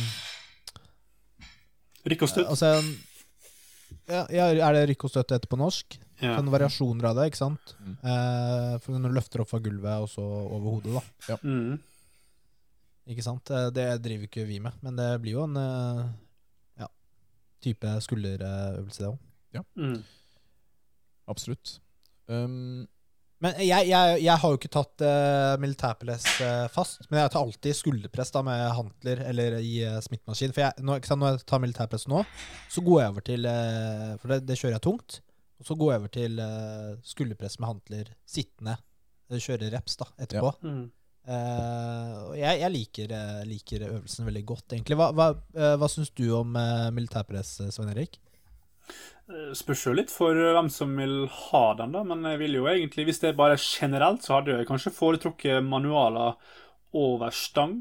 Eh, Men det er jo mye fordi at du fikserer at du må holde armene foran, og du fikserer eh, skulderleddet ditt i en gitt posisjon, da, mens du har mye mer fri bevegelse eh, og mye større bevegelsesevne når du holder hantlene. Så for de fleste så hadde jeg foretrukket hantler hvis ikke de har veldig lyst til å bli sterk i, i, i skulderpress. Eh, men det er ikke noe galt med øvelsen i seg sjøl, sånn egentlig. Um, Nei, for det, du, du må jo ikke gjøre militærpress eh, liksom, for å Du- trene skuldre. Eller Nei, eh, absolutt ikke. deltatt. Du kan fint kjøre variant av sidehev all your life. Jeg har kun sidehev, jeg, altså. Mm. Og, og det er er det har på grunn av at du har vondt uh, der, eller? Nei, det er bare for at jeg har kun et uh, hypertrofifokus, så kan du like gjerne bruke andre øvelser som uh, kan tillate at du slipper å bruke så mye energi på eh, Altså, det kan være ganske globalt utmattende å skulle løfte en tung skulderpress, og da kan du, uh, uten at du nødvendigvis får noe mer fordel på muskelvekst, så du kan like gjerne kjøre sidehev hvis målet ditt kun er, kun er muskelvekst, da. Ja. Så kan du like gjerne kjøre sidehev i kabel uh, side, osv., osv. Uh, slike varianter. Men kjører du ikke noe, noe skulderpress i det hele tatt, da? Nei, ikke Ingenting. noe skulderpress. Nei. eh, hvis jeg Hadde kjører du skulle... hatt maskin, så hadde det kanskje vært litt enklere. Fordi da kan du konsentrere og fortsatt kjøre tungt. Men, men tenker du at liksom du får nok på anterior eh, deltoid i for eksempel når du kjører bryst og sånn også? At liksom ikke er Du- vits i? Vanligvis vil du på en måte Du må jo telle forside og skulder når du kjører sidehev, og du må jo telle forside og skulder når du kjører benk, så forside og skulder vil jo som oftest alltid få nok volum. F.eks. For eksempel en studie på kroppsbyggere, så så de at de hadde seks ganger så stor forside skulder som bakside av skulder. Eh, Så jeg tror ikke at forside skulder generelt noensinne vil ha et problem med å få nok volum, for at den jobber veldig bra i de øvelsene vi trener når vi trener bryst. Ja, ikke sant? Ja, så Det er, ikke nok, det er ikke nok speil som dekker ryggen. Nei. Det er Og det er jo en av de eh, grunnene til at jeg slutta med fronthev Ja, ja. for mange år siden. Mm. Trenger liksom ikke å fokusere anterior delt. mye. Men det gjorde jeg jo helt i begynnelsen. vet du, Når jeg var eh, skikkelig inn i sånn bodybuilding-trening og magasiner. Da var jo fronthev var jo Den Ja, ja. måtte være med. Ja, Det er jo klart at Jay Cutler gir jo de beste treningsrådene til nybegynnere. ja. ja, men, ja, men altså, bevares. Det, det var jo de, det vi leste, og det vi fulgte med på. Mm. Sånn var det. Mm. Du, vi bruker Men- å gi det en Ja, altså, subjektiv altså, karakter. ja, uansett, da. eh, om eh, man trenger å gjøre den eller ikke gjøre det. Eh, akkurat nå så er jeg veldig inne i, inn i militærpress. Altså, målet Mhm, mitt er ja. fortsatt 140. Ja. Det er målet mitt. Ja. Eh, og derfor så blir det en høy karakter. Det blir 9 av 10 biceps for meg. Ja, jeg har også tenkt å gi denne høy karakter, fordi det er en øvelse jeg liker veldig godt. Kroppen Mm. min sier bare nei nå, men jeg er Mm. veldig fan av øvelsen. Jeg, den motiverer når jeg har klart å ta den. Jeg, jeg hadde tenkt å gi den åtte, da, men jeg kunne fint levd med en nier eh, på Mm. denne her, faktisk. Fordi den er gøy å gjøre. Mm. Hva med deg, Svein Erik? Jeg syns jo at øvelsen er gøy. Altså, å kjøre Jeg syns det er gøy å kjøre den av Altså, hvis du har lyst til å bli sterk. Jeg syns det er en veldig Veldig rå styrkevisning. Eh, så altså, for min del så ville jeg gitt den kanskje åtte, for jeg syns den er veldig gøy å trene. Men hvis jeg skulle gitt- for et kundeperspektiv, så hadde jeg kanskje gitt den eh, fire eller fem, noe sånt. Ja, men det er fair å si, ikke sant? Ja. Så her er det litt på hva man ønsker, og hva som er gøy. Altså, du er Ja. en avansert trener, og Mm. kan veldig lett bestemme hva som du har lyst til å gjøre. Og hvis du Mm. har lyst til å trene noe for gøy, ikke sant, så kunne dette Ja, vært et alternativ. for min del så Jeg kunne levd med, styrk, nei, med skulderpresset, for jeg syns den er veldig moro å trene. Men eh, basert på målsettingen min, så velger jeg å ikke kjøre den for min del, da. Ja. Mm. Det er Mm. logisk. Ja, men bra. Du, vi avslutter med et uh, lite dilemma, tenker jeg. Det gjør vi. Joker! Nå er det joker!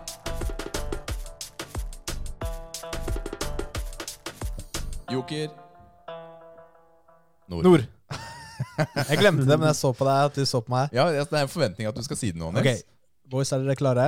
Ok, det, Yes, sir. altså, Har ikke hatt den her før, håper jeg. ja, du vet hva? Nå er det, Forrige uke. Nei, nå blir det casual, da. Forrige uke så var Liv sånn Rikard, forrige ukes dilemmaer, det var kleint, ass. Hva, hun syntes det var kleint. Nathalie syntes det var lættis, da. Når du driver og spør meg om sexstillinger jeg foretrekker og Ja. sånt, ja, og du ikke vil svare på det selv jeg fant faktisk mange flere spørsmål i den til. kategorien. Lykke Det skal jeg ta neste gang. Mm, mm, jeg gleder meg. Uh, jeg gleder meg, du gjør ikke det. Ok, du er i et, eh, et, et rom med masse mennesker. Ville du heller ha prompa drithøyt, og så lo alle av deg? Eller ville du vært den eneste som lo drithøyt, sånn kleint, av en annen som eh, prompa? Ok, så, så du har prompa, og så enten så ler alle av deg, Ja. eller så ler Da feller du en liten tåre. Eller så er det du som ler sånn obnoxious. Ja, altså Ja, Har du noen tanker rundt dette, Svein Erik? Det er jo et, egentlig et, um, litt et moralsk spørsmål, føler jeg. For at uh, skal du være den som ler av en annen, eller skal du være den som blir ledd av? Så jeg, jeg føler jo at det ikke er en person som hadde ledd av noen som hadde fese. Jeg hadde jo tatt på meg offerrollene og fese for harde livet. Jeg har ikke noe I have no body. I have no body shame. det på, på granaten. Nei. Ja, ja. Ja, det er klart, altså Det første alternativet, da er det jo mye bedre stemning. Alle ler jo, ikke sant? Hvis Det du, står ikke noe at du ikke kan le med dem. Hvis du Ja, ler eller er i tillegg, så tror jeg at du har skapt en god stemning. Men hvis du ler av alle andre som er sånn Hæ, fucking useless, så da blir det bare skikkelig dårlig stemning. Ja, du vet hva, jeg, jeg stiller meg litt uh, bak Svein Erik på den her. Altså, jeg eh, hvis, Ja, å le sammen med andre. Men du har jo ledd av noen på en sånn litt sånn teit måte noen gang, og så etterpå angrer du litt, har du ikke det? Jo, altså, Ja, jeg har altså vi har jo alle gjort ting Det som tror vi alle har gjort, ikke er så stolt av. Ja, altså Ikke jeg, da. Det var hypotetisk jeg snakket om. Det var ikke fra mitt eget liv. Ja, ok, jeg skjønner. Ja, Men ok, dere ville bli ledd av. Uh, ok. Ville du heller ha levd ett liv som varer i 1000 år, eller ti liv som varer 100 år hver? Eh, Hvordan er erfaringene i de ti livene? Husker man det forrige? Eller er det restart? Det er ikke New Game Plus? Er det New Game Plus eller ikke, er spørsmålet. På, Det er spørsmålet. La- Du husker at du har levd, da. husker at du har levd. Kanskje ikke Mm. så mye detaljer. Men ok, nå, Jeg vet at dette er kanskje litt vanskelig. ikke, ikke gjør det så vanskelig nå, Nei, nei, men, nei, men altså, Når du lever 1000 år, er du den eneste som lever 1000 Ja, det er du. Eneste. Du blir sånn der, du blir som en sånn gammel heks eller troll, liksom. Når det er den biten her. Altså Fordelen av jeg tenkte litt på Jeg tenkte så kjapt. Fordelen med å ta ti liv er at du får en uh, restart, da. Ikke sant? Mens uh, hvis du har 1000 år, da La oss si du driter deg ut, da. Du, du utfører en sånn genocide eller et eller annet. ikke sant? Da må du, Det er det første du tenker på å drite deg ut! da må du leve med det resten av de 900 årene. ikke sant? At Du var en så liten Hitler eller noe sånt. ikke sant? Det tilfeldigvis utløste en genocide! Hva er galt med deg, Nils? Altså, jeg, jeg bare, Det er et eksempel, da. Hva sier du, Svein Erik? Jeg tenker hvor kjipt det hadde vært å leve opp 20 år med barndom med alle minnene fra forrige livet ti ganger. Eh, Jeg hadde personlig lent meg mot å leve ett liv 1000 år, og bare forsøkt å bli den beste personen du kan bli på de 1000 årene, og forsøke å ikke gjennomføre massemord mer enn i hvert fall én gang. Du vet hva, Men eh, mitt perspektiv på det her Det er litt sånn likt, eh, faktisk. Fordi det jeg har tenkt på, er Du bestemmer jo ikke de ti livene hvor du blir født. Nei, det gjør du ikke. Ikke sant? Så plutselig så, så blir du født uh, midt i en uh, kornåker i Afrika. Eller så er det uh, i en uh, drukkenboltsfamilie. Ikke sant? Det er ganske mange Mm, måter dette mm. kan gå skitt på. det Mens når du har 1000 år, så ok, det er én gang, og så kan du ta kontroll. Mens de andre gangene så har du Du har en ganske fair sjanse for at du får en møkkaoppvekst. Er det, er det fælt Mm. å si? Vi er heldige som bor i Norge, da. Eh, Veldig, veldig, veldig, veldig, heldig. Eh, Ja, ja. Og det lotteriet treffer du egentlig ikke på ti forsøk. så jeg, jeg, Hva om du blir født eh, som en sånn slave, da? Ja. eh, I de tusen årene. Og så er du en slave i tusen Altså, hvis du bodde, levde for eh, 2000 år siden. Ja. Det er litt kjipt, da. Ja, det er litt kjipt. Det er litt kjipt. Men, og så er du slave i Nei, du, se på han her, da! Han her kan bare jobbe og jobbe og jobbe. Shit, ass! Han bare stopper ikke å jobbe. han. Tåler piskeslag. Ja, Nei, men jeg er 1000 år. Jeg, det er, eh, tror jeg ville valgt det samme. Da kan du bli pro gamer, vet du. Eller eh, perfeksjonere treningen. Ok. Eh, Tenk, du, hvordan er du med 1000 år med natural gains? Altså, Når du Ja, peaken på 350? Eller er det, er det liksom 600-700? Jeg skjønner ikke hvordan det er eh, når du peaken? piken? Tipper du egentlig når peaken eh, når du er typ eh, 35-40, altså, og så er det bare 1000 år med ge- eh, ja, maintaining, Maintaining, ja. Ja. Ja, det er Ja, det er veldig motiverende. Nei, men da Ja, har du- du jo litt sånn en annen type kropp, da, så du Kanskje 350, så når du peaken. ja, men hvis Eller du, så- hvis du når peaken når du er 35-40, så har du 960 år der du kan på en måte dedikere tiden din til andre ting i livet. Da. Så du får jo utforska mye mer, for det skal så lite til for å vedlikeholde formen din. Så du kan jo bruke mye mer tid på andre ting du vil utforske, da, eksempel. Ja, jeg, jeg, tror ikke, jeg tror du kan eh, fortsatt ha progresjon etter eh, 30-35, Altså, det er jo noe Altså Ja, progresjon kan. Nunes og, og sånn, da. De blir jo bedre. Ja. Noen av de gutta der. Ja, det er ikke det at du nødvendigvis stopper, det er bare at de fleste vil nå peaken sin rundt, Ja. det, rundt det stedet Det er nok eh, sant, det, altså. Mm. Og så ryker du um, Du ryker bicepsfestet når du er 25. Ja, og så kan du ikke sy det på eh, fordi du er lever for 1000 år siden. Mm. Det er fett, da. Det er kult. Ja, ok. Eh, ok. Eh, ville du hatt eh, diaré hver dag i neste tre måneder, eller vært forstoppa hver dag neste tre måneder? Oi, diaré eller forstoppa. Den er eh, den Jeg tror jeg må sånn bare gå rett på å si diaré, altså. Rett på å si Det er vondt, altså. Ja, det er kjipt, altså. Men forstoppelse må jo Altså Komme ut en gang. Ja, men en gang imellom må du Ja, det. ja, ja, det må det. Forstoppelse er eh, Men diaré er liksom mange ganger om dagen, eller? Dette er en veldig fin episode. Men, men eh, det Du skal gjøre alt så komplisert. Ja, men i all verden. Altså, Jeg trenger å vite om jeg kan gå på jobb eller ikke. da Ja, du kan jo gå på jobb. Ja, Så Kommer jeg meg på jobb? Det er ikke sånn at jeg må gå hvert tiende minutt. liksom Nei, nei, nei, nei, nei. Det er det ikke. Er dette fra eget liv, akkurat den her? Nei, det er Jeg hadde valgt diaré også.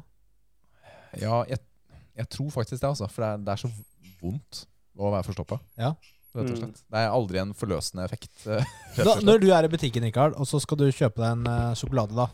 Ja. Og så har du liksom uh, Snickers, og så Snickers peanut bar, da.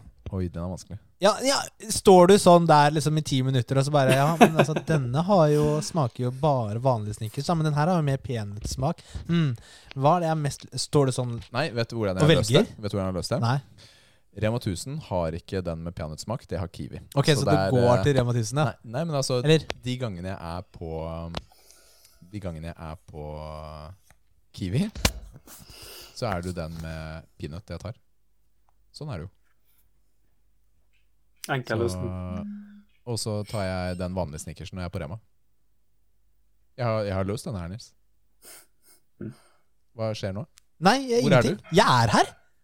Jeg er her. Ja, Altså, ingen, ingen Sitter du og scroller på Nei, Reddit jeg- nå under innspilling? Nei, nei, nei jeg så, så etter et annet dilemma. Ingen, ingen som hører på, vet hvor jeg er, ikke sant? De tror at jeg hører på deg, sånn følger med 100% Altså, De skjønner at uh, den der awkward silencen som kommer nå, ikke kommer fra at du tenker. Nei, det er ikke sant, altså.